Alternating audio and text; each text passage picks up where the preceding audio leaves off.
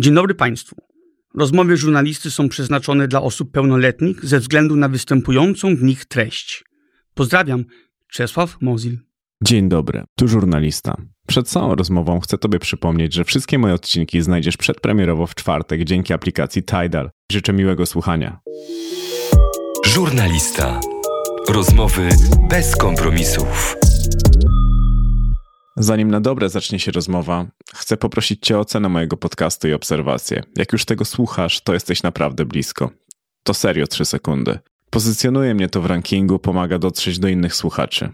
Dlatego to dla mnie bardzo ważne. Dobrego odsłuchu. Pozdrawiam, cześć.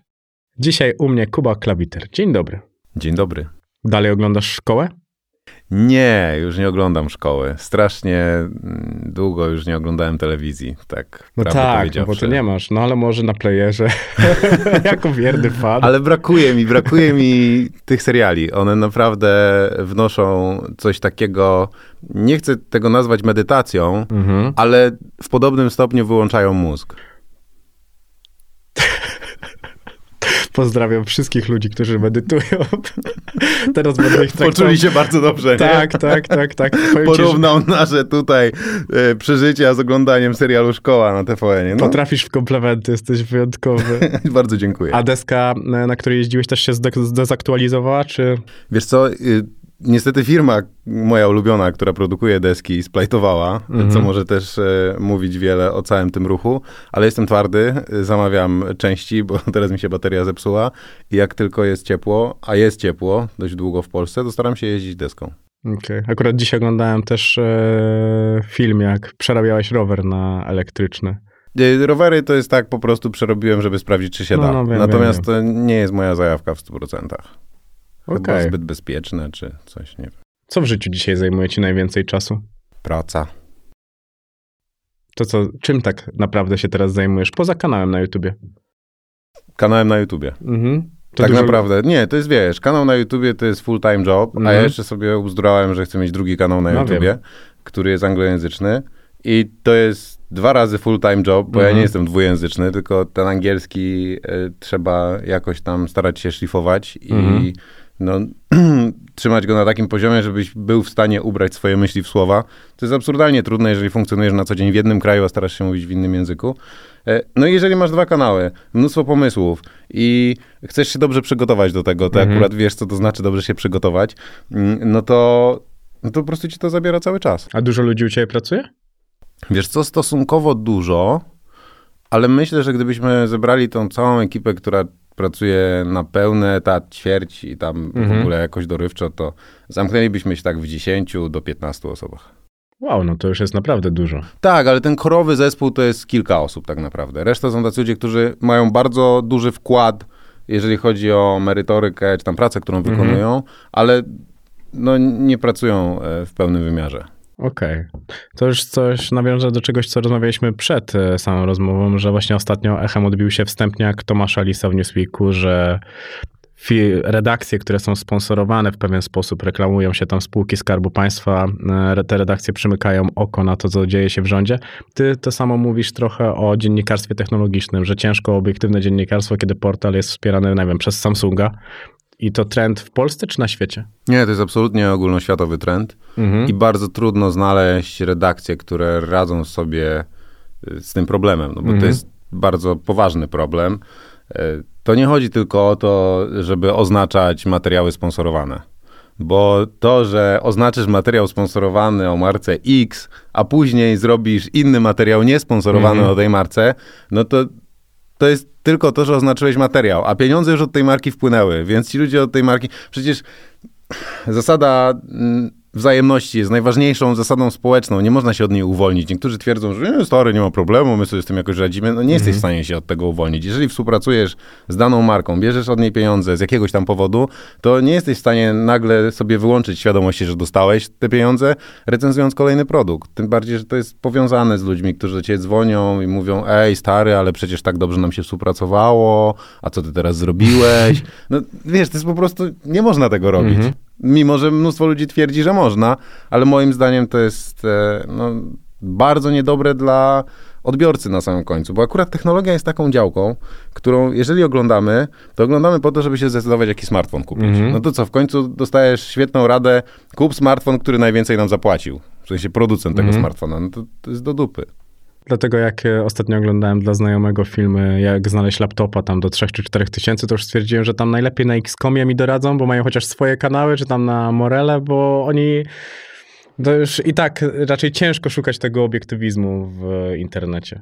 No to jest właśnie bardzo trudne do zdefiniowania, kto ci dobrze doradzi, bo jak mhm. im głębiej dłubiesz, tym gorzej e, to wszystko wygląda. A szczególnie, że chcesz się posługiwać kogoś wiedzą, no bo ja nie oglądam tego tak. ze względu na to, że wiem, mhm. tylko na to, że chciałbym się dowiedzieć, nie? No to jest zupełnie coś innego. To ilu jest takich gości jak ty?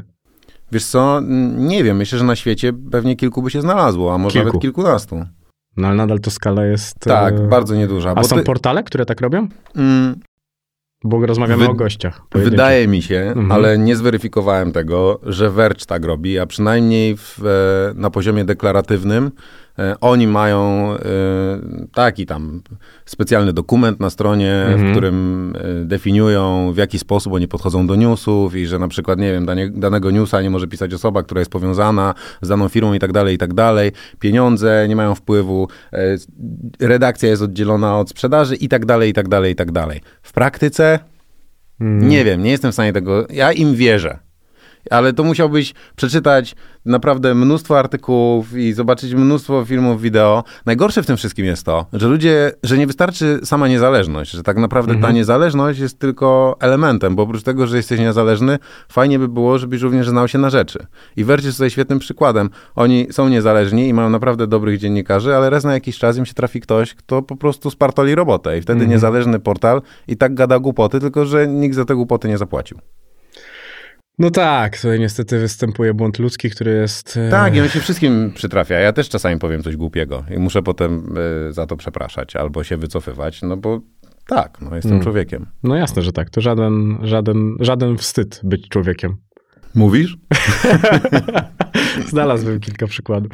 Powiedziałeś, że żadna firma z branży technologicznej, choćbym nie wiem ile zapłaciła, nie miała wpływu na to, co przekazujemy i pokazujemy w naszym programie. A miałeś propozycje, które odrzucałeś e, z trudem przez sumę? Nie, bo to jest kwestia nastawienia.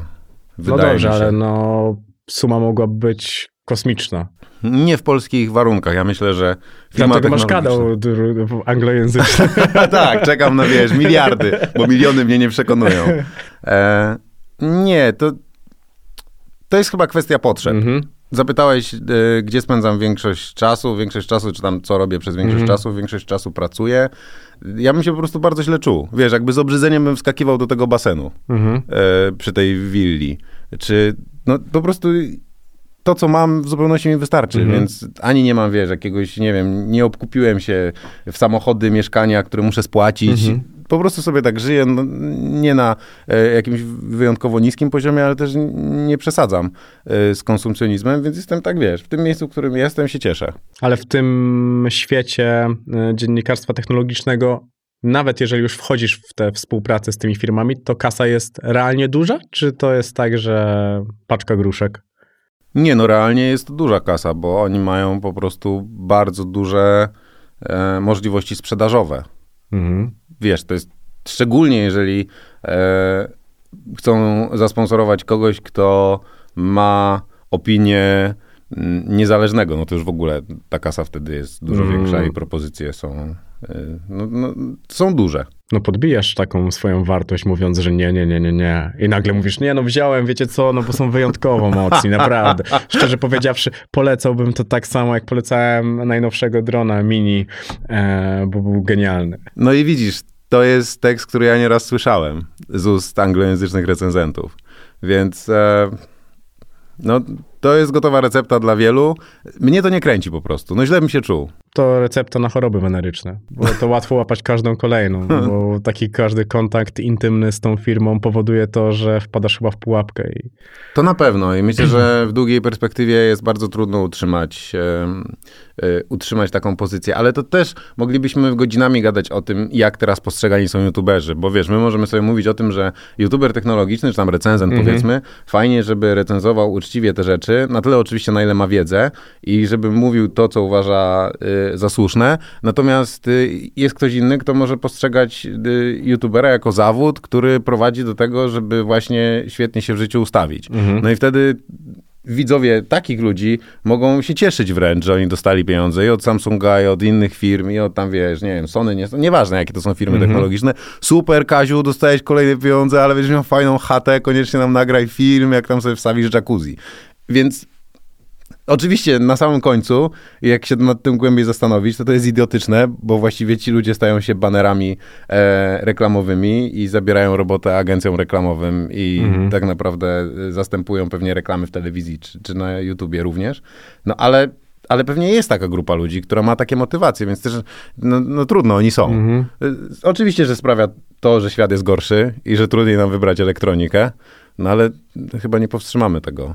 No nie, tylko oni, za, oni zajęli miejsce trochę tych ludzi w tych wszystkich dużych sklepach internetowych, że masz stoiska tych dużych firm, tak. to oni są dokładnie e, tym samym, tylko że w internecie. No ja często przyrównuję generalnie dzisiaj youtuberów do takiej e, zewnętrznej agencji reklamowej poza mhm. firmą. Nie? Że to jest po prostu dział marketingu danej firmy, tylko na zewnątrz. Tak, to jest bardzo dobre, to bardzo, bardzo trafne, o tym tak nie myślałem, ale jak teraz to powiedziałeś, to mam tą e, myśl i naprawdę tak to wygląda, bo... Tak, tym bardziej, dostają briefy, agencje dostają briefy, youtuber dostaje brief od firmy, co ma hmm. powiedzieć w jakiej kolejności. Ty też, też sam powiedziałeś gdzieś o tym, że kiedyś to było tak, że PR-owcy chcieli żyć dobrze z dziennikarzami, a dzisiaj dziennikarze chcą żyć dobrze z PR-owcami, że to jest niesamowite. To jest prawda i to jest okropne i no tak jest nadal. Do, dla Radia Campus mówiłeś, że są firmy, które udają, że nie istniejesz i ciężko złapać od nich sample i musicie robić naokoło. Co za firmy? Wiesz co, to się zmienia w czasie oczywiście, mhm. bo no te firmy się obrażają i odbrażają. Y, no to z reguły to się odbywa, to się pojawia wtedy, kiedy y, ja powiem coś o danym produkcie, no i wtedy na przykład przez rok ta firma udaje, że mnie nie ma, albo przez dwa lata. Ale specjalnie nie wymieniam tych firm, nie mhm. wymienię ich tutaj, ponieważ jeżeli ja wymienię jakąś firmę z nazwy, to ktoś sobie pomyśli, a, czyli dlatego źle powiedział o tym produkcie, bo mu nie dali sampla. A ja muszę, to jest najtrudniejsze w mojej robocie, mhm. muszę oddzielić to, że ktoś z firmy jest na mnie obrażony. Bo wiesz, to, że ktoś z firmy jest obrażony i ma inną wizję marketingową, to nie oznacza, że jego produkt robiony przez zupełnie innych ludzi jest zły. Musi mhm. się okazać, że ten produkt jest świetny. Ja nie mogę mieć takiego e, jakiegoś w głowie mętliku, że a, dostram temu produktowi, bo źle mnie potraktowali albo bo mi go nie wysłali. No bo to jest idiotyczne. A są takie pokusy w każdym z nas i skłamałbym, gdybym powiedział, że we mnie ich nie było, ale cieszę się, że udało mi się za każdym razem je zwalczyć. Tego małego kubę w sobie. Tak, takiego, tego małego, dogryźć. a weź dowali. Nie, no bo wiesz, jakby na końcu musisz mieć świadomość, że to nie ta firma ogląda twój film, oni oczywiście też, ale jednak generalnie ludzie, którzy chcą dokonać decyzji zakupowej, ich to wali, kto tam siedzi mhm. w dziale marketingu czy w jakimkolwiek innym miejscu. Pamiętasz swój pierwszy moment taki, że poczułeś, że to, co mówisz, ma znaczenie? Że to realnie może sprzedać produkt i może go kompletnie nie sprzedać? Hmm. Mm, nie wiem. Wydaje mi się, że kiedyś zrobiliśmy taki film o Gufonie, to była podruba iPhone'a, on się nadal jakoś... No to jest najlepiej oglądany twój film. Tak, właśnie, absurdalnie, absurdalnie dobrze ogląda. Wydawało nam się, że coś zmienimy, y, ale nie, gufony nadal są sprzedawane, więc gdyby ktoś chciał iść tą samą drogą, oczywiście może zmieniliśmy, tylko że to jest, y, nie wróciło to do mnie w postaci takiej jasnej informacji, mhm. stary, wszyscy wiedzą, żeby tego gówna nie kupować. Natomiast e, no, to może był taki moment, kiedy rzeczywiście zaprosiłem do współpracy jakichś innych ludzi, którzy gadają o technologii, zrobiliśmy wspólnie film i mhm. wydaje się, że wtedy poczułem, że rzeczywiście mam jakiś wpływ na rynek, no i że trzeba uważać z tym, co się mówi, to na pewno. Mhm. A był produkt, który zjechałeś tak naprawdę i ktoś mógł mieć do ciebie pretensje? Mm, ale kogo masz na myśli? No, Kto... No to jakiś produkt, jakiejś marki, no po prostu, mhm. że mogłeś go potraktować za ostro, no bo też e, mogłeś być nieopierzały, właśnie nie dobierać mhm. dobrze słów, ze względu na to, że myślałeś, że to jest nagrywane dla twojej społeczności, bo dopiero później raczej dochodzi do kogoś, że to jest trochę dalej. Mhm.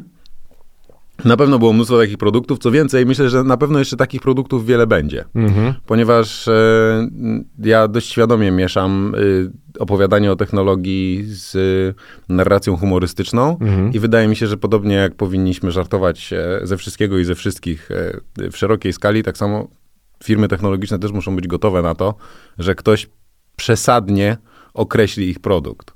To nie jest tak, że wiesz, ktoś mnie słucha na takiej zasadzie, a, powiedział to, Czyli to jest dokładnie to. Ludzie wiedzą, że ja sobie żartuję w niektórych mhm. sytuacjach, oczywiście czasami mogą nie wiedzieć.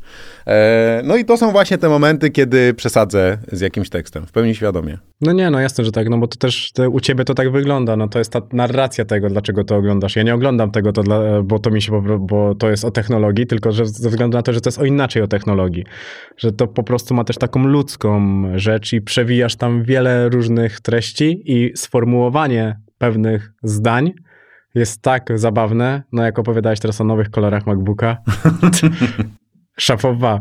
Bardzo dziękuję. E, dziwi mnie to, że, że nikt cię jeszcze do żadnego roastu nie zaprosił, czy, czy do czegoś, bo to taka formuła, w której mógłbyś się e, sprawdzić, bo sam piszesz wszystko to, co... Tak, tak. To, to, to co nie zawsze piszę, ale przygotowuję wszystko sam. Mhm. Na, na pewno staram się mocno przygotować, no bo zdajesz sobie sprawę, że nie możesz rzucać takimi tekstami bez przygotowania. No nie, nie, no to jest... Niektórym się wydaje, że tak właśnie jest, że wiesz, ja włączam kamerę i po prostu jadę i to wszystko mi przychodzi do głowy i potem na przykład się spotykają ze mną na browarze, a ty nie mówisz mówisz żartu co dwie sekundy. No, no nie da się, niestety. Chciałbym oczywiście, bo to by e, dużo mniej pracy wtedy wymagało, ale się nie da. Ale nie myślałeś, żeby zrobić kiedyś taki motyw wyjazd stand-uperowy? Wiesz co, miałem w ogóle y, taką misję, że pojeżdżę po Polsce i poopowiadam o technologii w zabawny sposób. Mm -hmm. y, siedziało mi to w głowie. Ale nie wiem, czy chciałbym, żeby ktokolwiek mnie nazywał stand-uperem. No dobrze, no na potrzeby takiego wyjazdu można by było tak cię nazywać, no bo ciężko byłoby to określać w jakikolwiek inny sposób, ale to jest takie, to wszystko, co robisz, jest takie trochę mhm. żartobliwe. I, Nie, na pewno, na pewno. I mogłoby e... rozbawić. Skoro ty tak mówisz, to rozważę to raz jeszcze. Okej, okay, rozważ to, bo to bardzo dobre. Zresztą Stand Up Polska przecież robiło takie wyjazdy, był Kenke tam i tak dalej, i tak dalej. Robili z różnymi ludźmi, którzy nie są związani z stand-upem mhm. i naprawdę też pomagali mocno mm, przy tych występach, żeby ci ludzie czuli się bardzo bezpiecznie i wydaje mi się, że to jest coś takiego, gdzie jest ukryty potencjał w tobie. Bardzo dziękuję. Dziennikarz technologiczny, który mówi takie rzeczy. Technologia wyprzedza nasze potrzeby, technologia jest coraz szybciej produkowana, przede wszystkim staje się coraz gorsza. Jest mało rzeczy, które, e, które mogłyby zrobić na mnie wrażenie. To czego oczekujesz od technologii dzisiaj? Dzisiaj oczekuję od technologii między innymi tego, żeby była odpowiedzialna. O. To jest bardzo duże wyzwanie, szczególnie kiedy y, jakby do tych firm technologicznych dopuszczamy jakichś wariatów, którzy po prostu stwierdzają, a dobra, teraz sobie zrobimy coś takiego i siema. Teraz sobie kupię Twittera. Na przykład. I oczywiście wariaci mają w sobie cząstkę geniuszu, tylko nigdy nie wiadomo, ile jest geniuszu, ile jest wariactwa mhm. w tego typu e, ludziach, więc odpowiedzialność technologii jest super ważna. Głównie dlatego, że technologia jest śmiercionośna i nie zdajemy sobie z tego sprawy, tak gadając na luzie i opowiadając sobie o tych wszystkich e, dronach, smartfonach i komputerach, ale tam bardzo dużo się dzieje e, w przemysłowej części technologicznej. Mhm.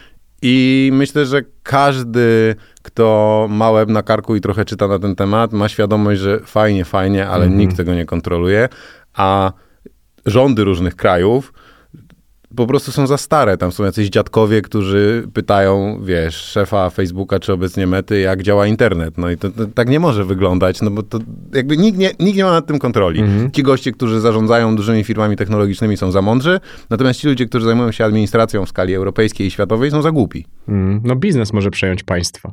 No dokładnie i myślę, że to jest y, droga, której pewnie nie unikniemy, chyba, że będzie to no w sumie Chiny to też biznes, więc właśnie. Mm, no zresztą mówiłeś, że Chińczycy wykupią nas wszystkich. I nadal tak uważam.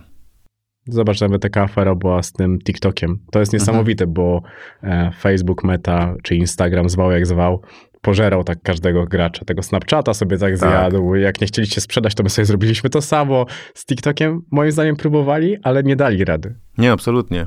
Tym bardziej jak zobaczysz, jak dużo firm jest tak naprawdę we władaniu, w posiadaniu Chińczyków w Stanach Zjednoczonych. Mm -hmm. Mówimy o studiach produkcyjnych, o, o, o, firmach produkujących gry, o firmach technologicznych. To nagle się okazuje, że to nie chodzi tylko o to, żeby oni przysyłali tam tanie części e, z Chin do Stanów, tylko chodzi o to, że Chińczycy już wykupili tak dużą część Stanów, że tak naprawdę to wiesz, amerykańska firma kupująca amerykańską firmę, tak naprawdę chińska firma kupująca inną firmę, która być może była chińska częściowo.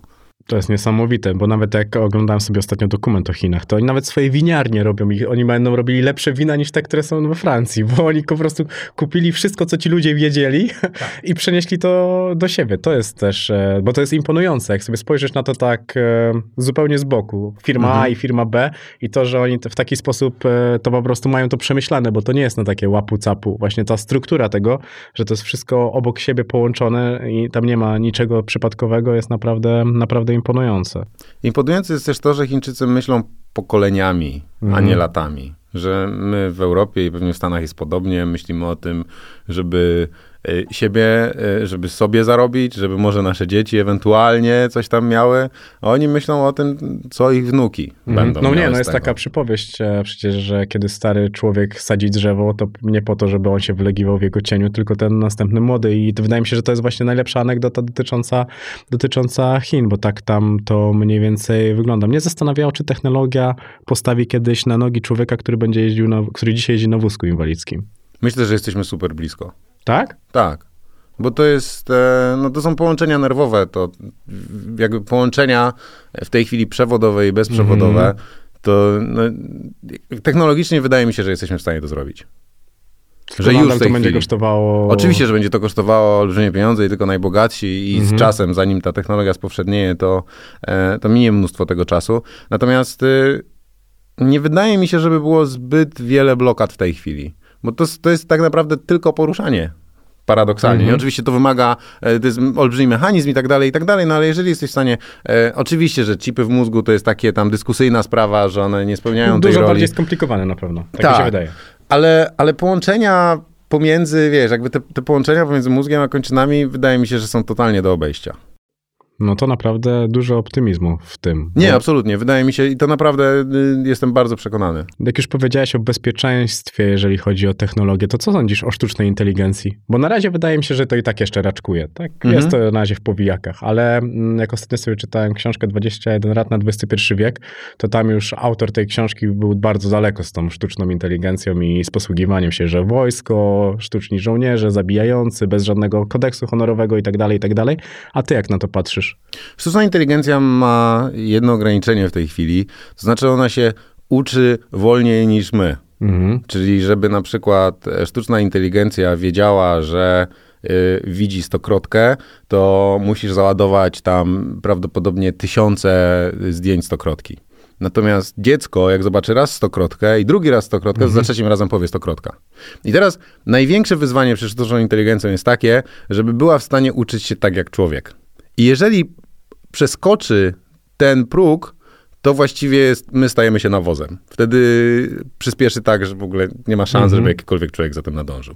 I wtedy wszystkie te katastrofalne wizje staną się e, faktem. Natomiast nie wiem, czy jesteśmy w stanie to zrobić ze sztuczną inteligencją. I też nie wiem, czy ludzie, którzy nad nią pracują, mają świadomość, że to jest ten, e, e że, że to jest ten moment taki naprawdę no, newralgiczny. Że jest, wiesz, że to jest tylko krok Mhm. Od tego. Czy znaczy, to... może się okazać, że to jest krok, a może się okazać, że to jest 100 lat. Nie wiemy, gdzie jest po prostu w Ale chwili... nadal 100 lat to wydaje się krok. Jakbyś tak sobie spojrzał, wiesz, tak. technologicznie, bo też. Był taki moment, że technologia naprawdę docisnęła e, pedał gazu do, mhm. do dechy, tak kompletnie, nie? No bo to technologia, jakbyś miał sobie pomyśleć w latach 90. o tym, co mamy dzisiaj, no to jest, e, nawet nie, moim zdaniem to było nie, do, nie ciężko było sobie to jakoś oczami wyobraźni e, połączyć. Tak, chociaż moja matka na przykład ciągle czeka na latające samochody i mówi, że to, co jest, to taka lipa. Nuda. No, że gdzie te latające samochody miały być już 10 lat temu i dlaczego ja jeżdżę normalnym? Więc e, są pewne oczekiwania, które nie zostały spełnione technologicznie. A ty spełniłeś oczekiwania mamy? Bo widzę, że ma duże. Wiesz co, oficjalnie mówi mi, że wszystko jest super. Co sobie myśli, to nie wiem. Ale nie latasz. Nie, nie latam. U Macieja Orłosia powiedziałeś trzy lata temu zresztą, że elektryki będą wypierać pojazdy benzynowe, ale nie jesteś ich dużym fanem. To się zmieniło? No bo jednak trzy lata to trochę też tam w tej technologii e, się pozmieniało. Tak. Yy, wtedy nie byłem dużym fanem, bo wydawało mi się, że my sobie nie radzimy z zasobami, jeżeli chodzi o yy, ogniwa mhm. generalnie.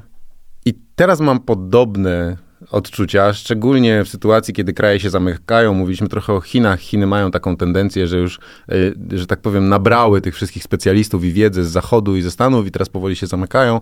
Sytuacja z Rosją wiemy, jaka mhm. jest i tak dalej, i tak dalej. Afryka, trudno powiedzieć, jest podzielona. Trochę tam jest Chińczyków, trochę tam jest Europejczyków. Nie wiadomo, kto tam do końca rządzi. Na pewno nie Afrykanie. Mhm.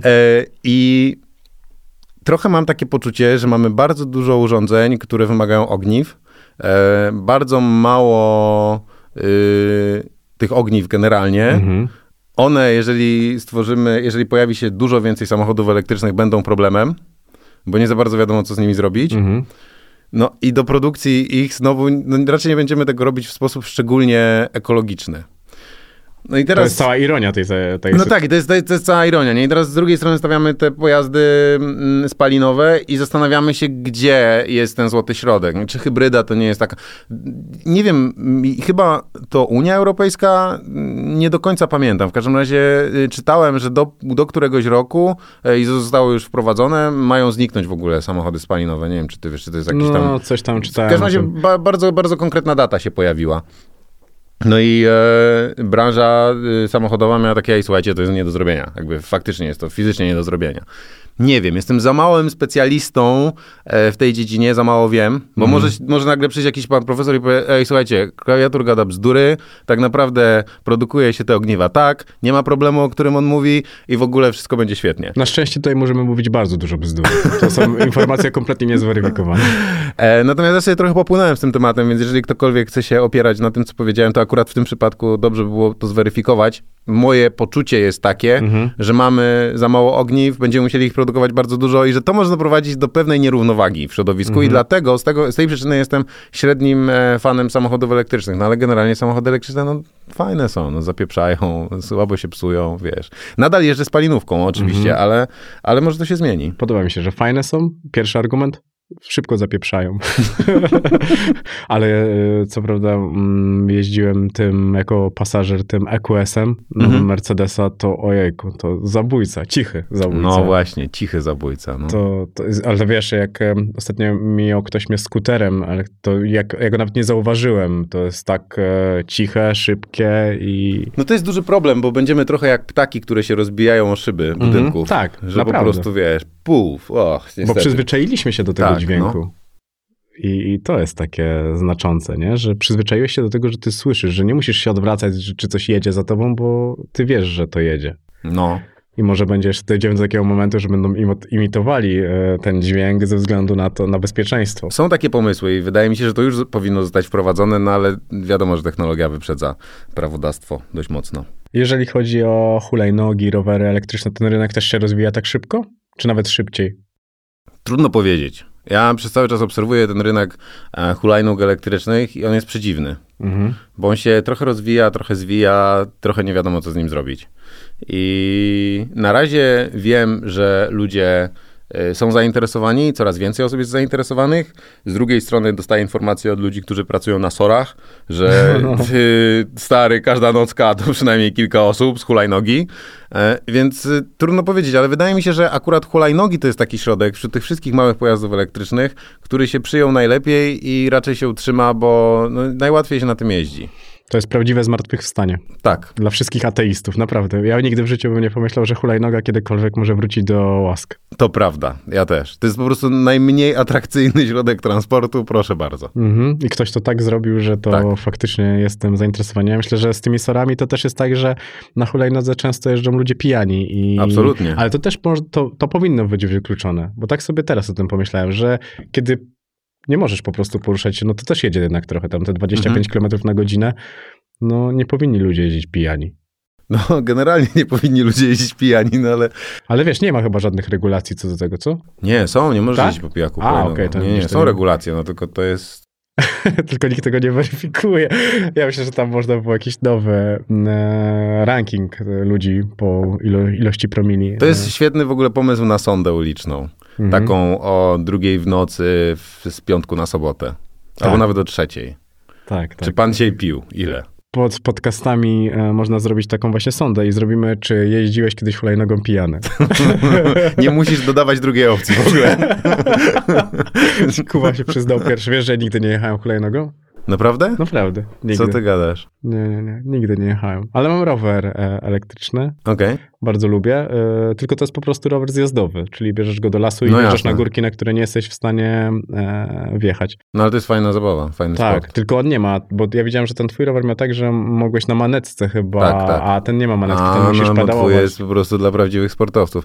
Ja przewiduję, że troszeczkę też odejdziemy od tych elektrycznych rzeczy e, właśnie na korzyść takich wspomaganych, Mhm. no bo już teraz widać, że jedzie tą hulajnogą i brzuch mu rośnie, więc y, ten, ta chęć bycia w jakiejkolwiek formie pewnie sprawi, że jednak część ludzi będzie się przesiadała na wspomagane rowery. Mm, Musimy się nasycić moim zdaniem. Tak, jeszcze, jeszcze, jeszcze nadejdzie ten czas. Ale Bo i tak już jest coraz lepiej. Coraz e, bardziej rozumiemy, że nie potrzebujemy najnowszego iPhone'a. Mm, to prawda. Że teraz przejście z 13 na 14 nie zmieni naszego życia. Kto by pomyślał? No, a wiesz, dużo. Wydaje mi się, że tych takich fanboi e, właśnie różnych marek było jednak sporo i kupowali tylko po to, żeby po prostu kupić. A no teraz e, chyba. No mi się wydaje, że te procesory akurat dużo zmieniły. Ultra, Max, e, to akurat w laptopach to naprawdę zrobiło robotę. Tam jest duża zmiana, jeżeli chodzi o te procesory, i wydaje mi się, że nie ma żadnego tam powodu, żeby mówić inaczej niż jest. I wydaje mi się, że to jest realna zmiana, ale tak to nie pamiętam, kiedy było coś przełomowego.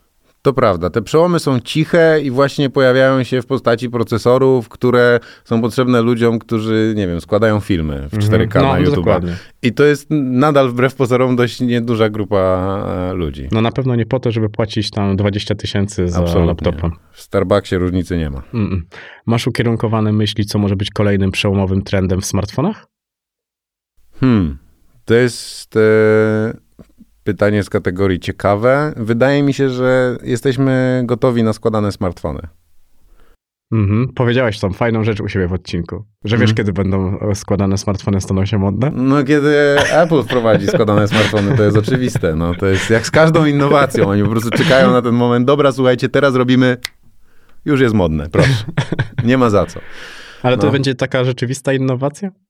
To nie jest y, rzeczywista innowacja, bo ta innowacja już jest obecna od kilku lat na rynku Mhm. w postaci właściwie, można nazwać prototypów, które wypuszczono na rynek trochę zbyt wcześnie, ale no, no w tej chwili ja używając przez dłuższy czas składanego smartfona, odbieram to tak, że y, to jest coś, co użytkownikom może pasować, podobać Mhm. się.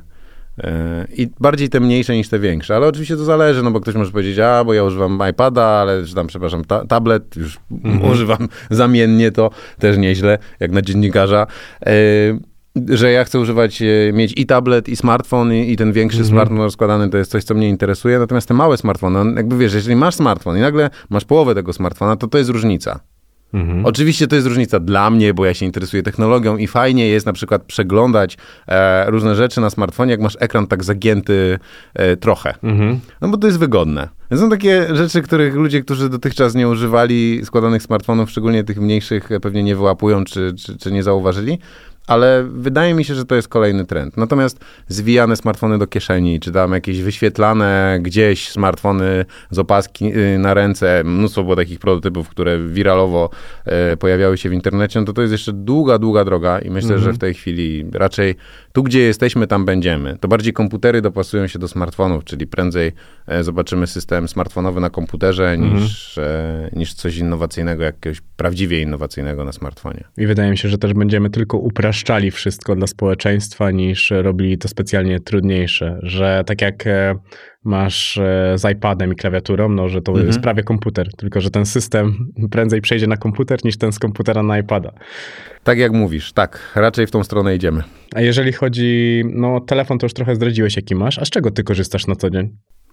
Y, Chodzi ci o to, z jakiego, Sprzęt, tak. z, z jakiego sprzętu? No ja korzystam, y, dużo mamy sprzętu y, jabłkowego, Mhm. więc jeżeli chodzi o komputery, to no to mamy oczywiście tam ze dwa pecety chyba w firmie, ale to są takie pecety do robienia pecetowych rzeczy na nich.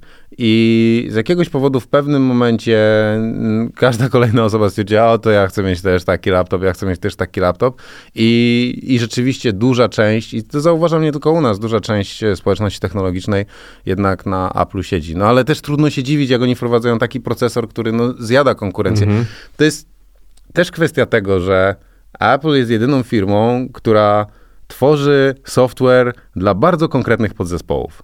I to im daje przewagę, której nie będzie miał żaden składany komputer klasy PC i nie będzie miał żaden y, smartfon poza Pixelem, który tak naprawdę nie jest do końca robiony przez Google, a ktoś dla nich to robi. On jest demonstracyjnym telefonem, który ma pokazać, jak działa Android. No ale wiesz, Android, jak dostaje go Samsung, Sony, czy tam, nie wiem, LG już nie, ale jak, jakakolwiek inna firma, chińska, nie chińska, no to musi sobie jakoś go dostosować. Nie mhm. musi, ale chce, więc masz nakładki i tak dalej. On jest robiony z myślą o dziesiątkach procesorów, setkach jakichś pamię- płyt głównych i tak dalej. A w Jabłku masz po prostu ten telefon, my produkujemy, na ten telefon robimy software. Dlatego to lepiej działa. I dlatego rzadziej się zawiesza. Mhm. I, i, I, tylko dlatego tak naprawdę, jeżeli ktoś e, ceni sobie to, że ten sprzęt e, na przykład, jak go zamykasz i potem go otwierasz, to on nadal działa, no to używa tej firmy. I nie ma to nic wspólnego z jakimś takim fanbojstwem, tylko bardziej niezawodnością. I teraz ktoś może powiedzieć, ale pocisnąłeś tutaj, że te wszystkie inne są, nie, są bardziej zawodne. Ale to wynika właśnie z tego. To jest mhm. bardzo racjonalne wytłumaczenie. No jasne, że tak. I możesz mieć po prostu wszystko zintegrowane, blisko siebie. To też jest duże ułatwienie, chociaż e, na tych, podobno ten ekosystem Samsunga też jest już teraz całkiem niezły z tego, co słyszałem. Tak, ekosystem Samsunga jest spoko, tylko że w przypadku Samsunga wydaje mi się, że przełomem byłoby, gdyby oni stworzyli dla siebie system. No właśnie dlaczego oni tego nie chcą zrobić? Nie mam pojęcia. Trzeba zapytać Samsunga. Z jakiegoś powodu jest im wygodniej współpracować e, jakby z Androidem, znaczy z Googlem, żeby pracować na Androidzie i gdyby to zmienili, to rzeczywiście Samsung miałby realne szanse konkurowania z Applem. Mm -hmm. Tym bardziej, że w ich e, urządzeniach i w ogóle w Androidzie masz większą możliwość e, no, pogrzebania w tym systemie. No. Bo to jest też to, dlaczego e, część szczególnie młodszych ludzi używa Androida, bo mogą coś tam pozmieniać.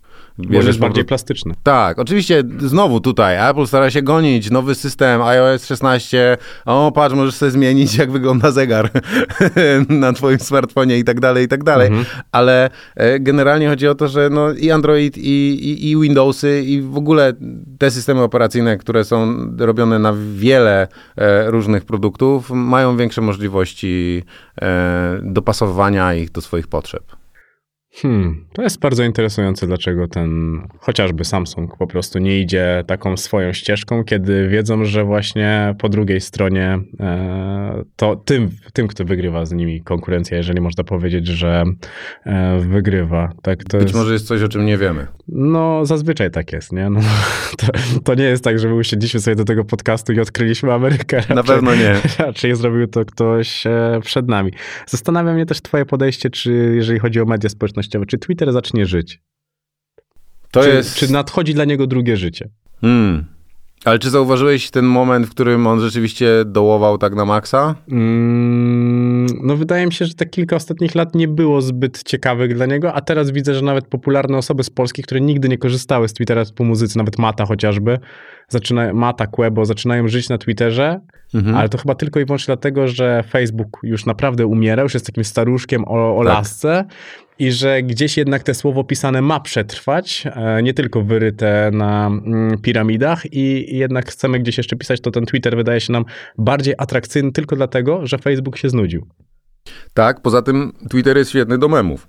Mhm. I tak jak gdzieś tam szukaliśmy tych memów w innych miejscach, to wydaje się, że powoli e, Twitter jest takim miejscem, gdzie możesz i sobie wrzucić mema i właściwie zobaczyć mema, nie? Mhm, no. A ty Więc... widzisz taką zależność tego, że ten Twitter zaczął się robić coraz bardziej popularny? Mm, wydaje mi się, że ja trochę bardziej skupiam się na rynku międzynarodowym i to nie jest mhm. tak, że ignoruję Polskę, tylko po prostu czytając newsy, e, bardzo dużo czytam tych portali technologicznych zagranicznych e, i przygotowując się do programu głównie z nich czerpię.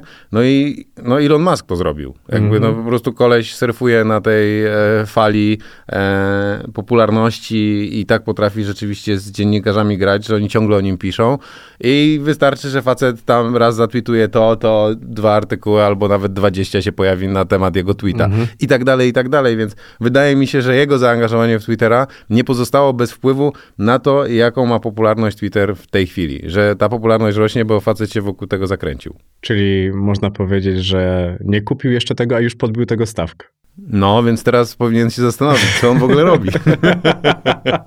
no ale tam było z tymi fejkowymi kontami, bo tego na Twitterze też jest masa. To prawda. Ale wszędzie jest tego masa. Przecież kiedyś był taki bardzo popularny artykuł o tym, jak dużo popularnych ludzi ma kupionych obserwujących na Instagramie i że gdyby to usunąć, to nagle okazałoby się, że ten Instagram to nie ma tak dużo użytkowników, jak wszyscy chcą wierzyć, że ma. To prawda i rzeczywiście jest to i problem Instagrama i Twittera, ale Instagram, na przykład mam wrażenie, że tak jak mówiłeś o Facebooku, że jest takim staruszkiem o, o lasce i rzeczywiście ja ignoruję Facebooka chyba już od roku, tak mhm. totalnie, absolutnie. Powoli zaczynam podchodzić tak do Instagrama. No.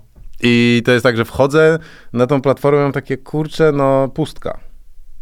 No, a Messenger też trochę umiera.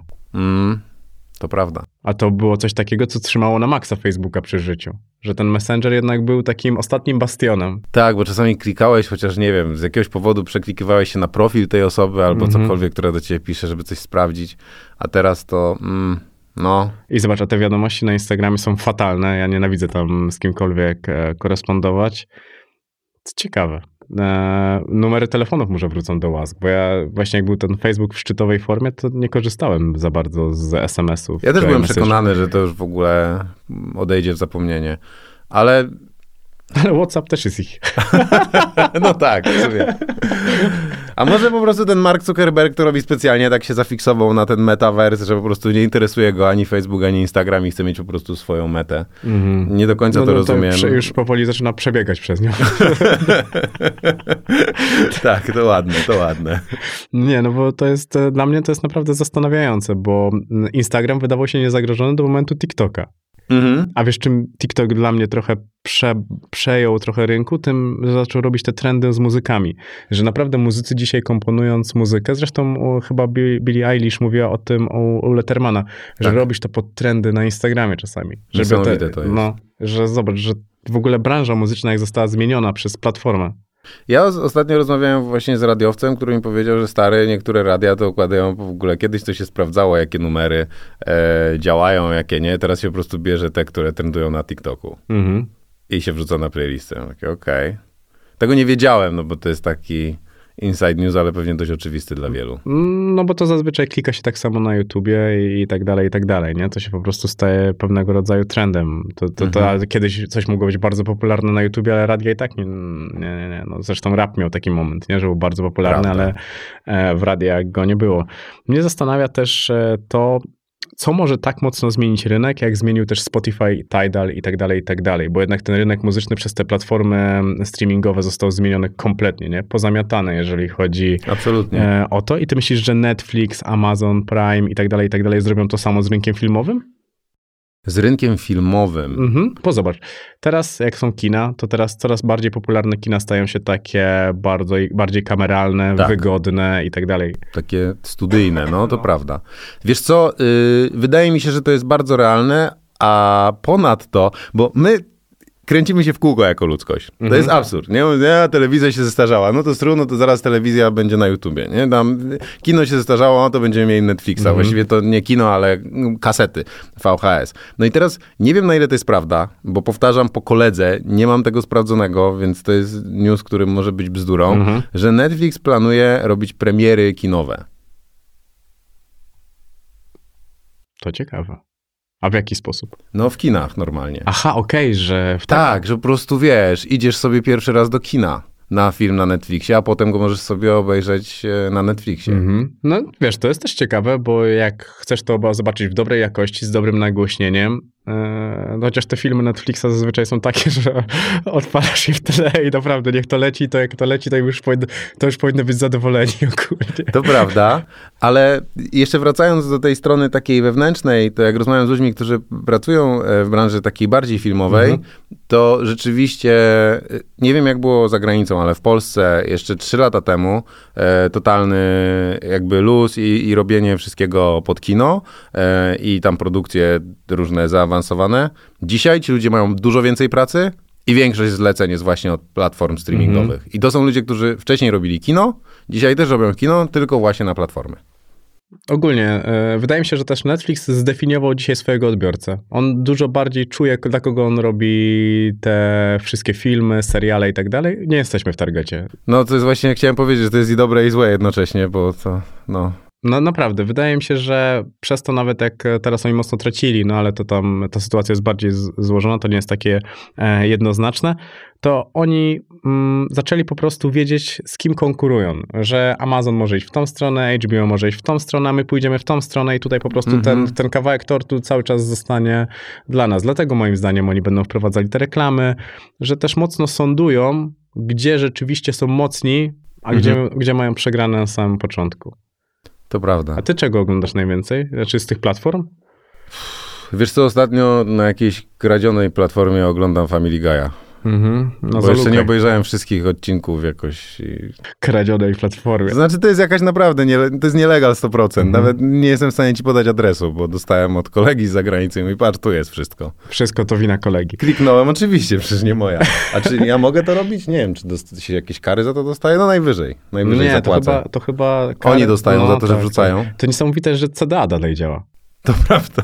Gdzie? tak. Pomyśl sobie, że wszystkie te nasze takie z dzieciństwa, te wszystkie portale tak. zostały już wyłapane, nawet Zalukaj tak. nie przetrwało chyba tak, to tego prawda. sztormu, a CDA dalej działa, możesz mieć sobie konto premium i... Tak, to jest w ogóle niesamowite, ale chyba oni mieli taki moment, że y, mieli jakiś taki pomysł, żeby płacić twórcom, żeby tam były treści, mm. te z YouTube'a, również na CDA. O. Ale chyba nie wypłacali tych pieniędzy. Znaczy też nie wiem, czy ich teraz nie oskarżam, może wypłacali, nie mam pojęcia, ale to jakoś się nie rozwinęło e, szczególnie dobrze, ale wiem, że oni mieli duże ambicje. Mhm. A pamiętasz, jak były te wszystkie jeszcze pozwy na, na chomikuj? Tak, tak, tak, tak. tak, były tak. głośne. No, to prawda. I oni, oni to traktowali jako, że są chmurą, pamiętasz? oni, ale oni się tym obronili i dlatego te, e, te procesy, tych procesów nie przegrali. Dlatego oni dalej istnieją. No są, są w końcu. Przecież y, była ta platforma Meczyki, tak, na której można było mhm. oglądać mm sobie mecze i teraz oni mają kanał YouTube'owy i tak, to jakiś tak. taki zupełnie, wiesz... Tam że... poważna osoba w to zainwestowała pieniądze. Mm, to naprawdę wygląda też dobrze. Nie wiem, czy ty to widziałeś. Nie, nie widziałem, ale Tam wiem, że... studio telewizyjne. Że, że, że Mieczyński tam e, coś dla nich robi, a nie wiem, czy Jezu, czy ja teraz czegoś nie...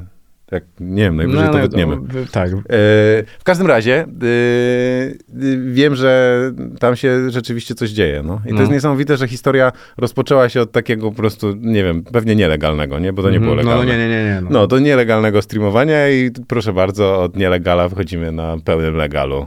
Siemanko. A po, to fajnie, fajnie zahaczyliśmy, bo jeżeli chodzi o meczyki, to nie wiem, czy widziałeś tą, powiedzmy, aferę e, na YouTubie z e, Sikasz, spokojnie, to każdy, każdy słyszy. Tak, to normalne. No. E, aferę z kanałem sportowym, że jak Nitro był w kana na Hate Parku, to mhm. ktoś tam streamował ten Hate Park u siebie na, na Twitchu i coś tam i po prostu Krzysztof Stanowski się obraził trochę e, za to, że ktoś tam streamuje i wiesz, dodaje po prostu komentarz do tego, co, co Nitro mówi. Pago chyba ten gościu się nazywał, ale ja tam nie pamiętam e, dokładnie mm, nazwy.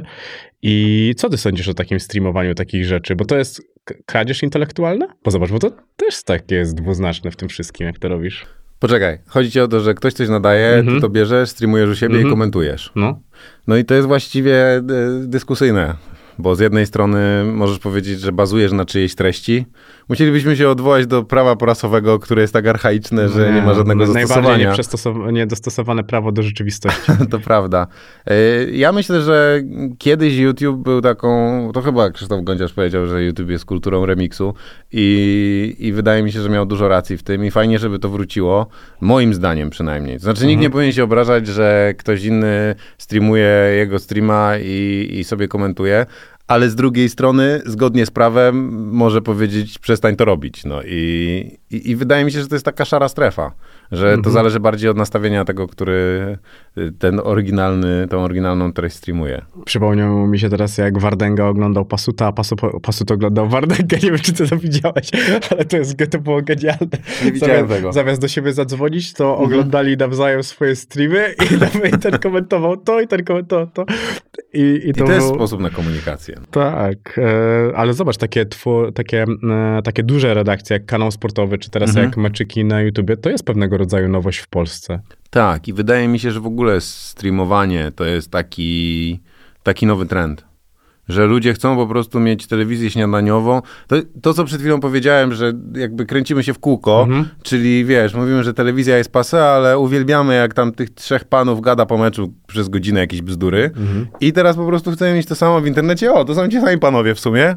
Studio też wygląda tak samo, tylko że jest inna platforma. I e, za chwilę będziesz miał śniadaniówki w internecie. Mi się też tak wydaje, no bo pomyśl sobie, że masz swoje ulubione programy, tak jak kiedyś się miało je w telewizji, no to mhm. niczym innym się nie różni, tylko tym, że po prostu możesz sobie na YouTubie wpisać, okej, okay, to on, nie? I dodatkowo jest tak, że YouTube e, czasami podpowie ci kogoś, kogo możesz lubić przez to, że przykład lubisz te trzy losowe, e, losowe osoby, nie? Ale ta, taka redakcja, tak duży projekt jak kanał sportowy jednak też e, dodaje pewnego, pewnej ekskluzywności moim zdaniem YouTube'owi. Zresztą przed rozmową rozmawialiśmy o tym, że YouTube stał się trochę takim śmietnikiem Absolutnie. i i jak jest tam tak tyle profesjonalizmu, to jednak też to wyciąga, nie? że coraz ciekawsze osoby może będą traktowały to coraz poważniej i będą. Pod... Ja mam taką nadzieję, ja wiem, że jestem naiwny. nie, no dobrze, że tak myślisz. Ja myślę, że to może iść w tą stronę. Nie pozbędziemy się tego śmietnika, który tam jest, ale może z czasem rzeczywiście ludzie mniejszą uwagę będą do tego Chociaż z drugiej strony, jak myślisz o tym, co było w telewizji, czy nadal jest, mhm. no to było miejsce i na takie rzeczy, które były trochę lepsze, bo nie mówię, że wybitne, mhm. ale było też dużo miejsca na śmietnik w telewizji. Mm, tam jest teraz, wydaje mi się, że tam jest cały śmietnik. E, tam się już wylewa ze śmietnika. Ktoś zapomniał to opróżnić. E, tak jakoś tak trochę traktuje telewizję. I oni, bo na YouTubie, zobacz, najwięcej zyskują te autorskie programy, mhm. a telewizja jakoś cały czas nadając te same filmy myśli, że będzie generowała większą publiczność. To jest takie, to jest bardzo ciekawe. Tak, nie? jeżeli chce się coś zmienić robiąc ciągle to samo, no to to się nie uda. No, nie? To, jest, to jest bardzo, bardzo ciekawe. A jak ty patrzysz na konkurencję dla YouTube'a? To, bo to musiał się pojawić ktoś nowy, ktoś z wielką kasą, czy jak ty to na to patrzysz? No właśnie, trudno jest mi mm, w ogóle w jakikolwiek sposób na to spojrzeć. Wydaje mi się, że sam YouTube jest takim przypadkiem, że to, że dwóch typów tam stworzyło tego YouTube'a, czy nie wiem ilu ich tam było na początku, ale z tego co pamiętam chyba dwóch, i Google'owi się udało to kupić w pewnym momencie, mm -hmm. bo zauważ, że YouTube w ogóle nie jest Google'owym produktem. W sensie mm. on jest zbyt fajny jak na Google'a. Google robi nudne rzeczy, nieintuicyjne, no nie da się tego, nie? A y, YouTube jest takim czymś, że im się udało to kupić i, i okej. Okay. I, I, to, jest, to było ciekawe przynajmniej na początku i coś tam się ciekawego rozwinęło. No to teraz znowu potrzebujemy przypadku, żeby ktoś Przecież, no nie wiem, YouTube chyba na początku miał być aplikacją randkową, że tam filmy takie się wrzucało o sobie że tam jestem tak? taki, taki. I dlatego on te słonie nagrał w tym San Diego na początku, w tym okay. zoo. Że hej, jesteśmy w zoo, tu są słonie za mną i coś tam. I to miała być taka... Oni później zrezygnowali z tego pomysłu, ale na początku właśnie miała to być taka aplikacja randkowa. Absurd. Znaczy aplikacja, strona, na której e, ludzie mieli się prezentować. To niesamowite, tego nie wiedziałem. Więc tutaj przypadek. Myślę, że jest potrzebny przypadek, że pojawiło się coś nowego. Nie pojawi się taka typowa konkurencja dla YouTube'a wygenerowana specjalnie. Przecież mm -hmm. YouTuberzy w Stanach mają tą nebulę, to jest ten e, taki portal, który e, ma generować treści, które są wartościowe i super i, i ale to nie jest to. No. Twitch mhm. też jest dla graczy i pewnie dla graczy zostanie mimo ich bardzo jakiś tam. No i dla tych pańców, tych. Nie wiem, czy one jeszcze w basenach tam streamują, czy nie? Chyba tak. No to, to, to, to jest ta platforma. Mhm. I trudno powiedzieć. Ja liczyłem szczerze mówiąc na to mm, swego czasu. I wydaje mi się, że że się przeliczyłem, bo wydawało mi się, że e, pornowlogi będą większym, większym hitem. Że mnóstwo ludzi będzie to robić. I że Pornhub urośnie na takiego mm -hmm. Medium, które po prostu ogląda się codziennie, bo ludzie sobie opowiadają, co tam u nich słychać. Tutaj się bzyknęliśmy na balkonie, a potem dalej poszliśmy na kolację. I że wiesz, takie -hmm. e, rozwinięcie vlogów to jest normalne vlogi -hmm. na mhm. YouTubie plus sexy, dlatego byłyby na Pornhubie i że ludzie by to oglądali. Ale na to chyba wszystkie narody są zbyt pruderyjne, więc, więc to nie. Nie, nie mam pomysłu. Ten Pornhub też miał, był taki moment, że był taki trendy, tak, tak. poza, po, był sexy po tak. prostu, poza mhm. już seksem właśnie, tylko mhm. naprawdę miał fajny marketing, był na to pomysł, a wydaje mi się, że... Nie wiem, się znudziło albo po prostu, albo po prostu nie było efektów. No bo a możliwe, mogło też tak być. Po prostu, że to kosztowało, a nie przynosiło wymiernych e, efektów, bo otoczkę dookoła tego wszystkiego e, jednak e, była, była bardzo, bardzo fajna. I też mnie tak zastanawia, bo jednak konkurencja dla takiej platformy jak YouTube mogłaby dużo dobrego e, zrobić, a dzisiaj YouTube jest takim kolosem, Że który karty. konkuruje z TikTokiem, no i to jest, wiesz, to tak Mhm. naprawdę długa forma konkuruje z krótką formą, nie za bardzo wiadomo, co z tym zrobić. E, jak zapytałem szefową YouTube'a, dlaczego wprowadzili krótkie filmy, Mhm. jaka była idea za Mhm. tym, że wprowadzili shorty, no nie uzyskałem odpowiedzi. No, ja uważam, że gdyby nie wprowadzili, to naprawdę ten TikTok by im zagroził. Zobacz, jakie TikTok generuje liczby. To, jest, to, są, Wiem. to są chore To jest liczby. absurd w ogóle.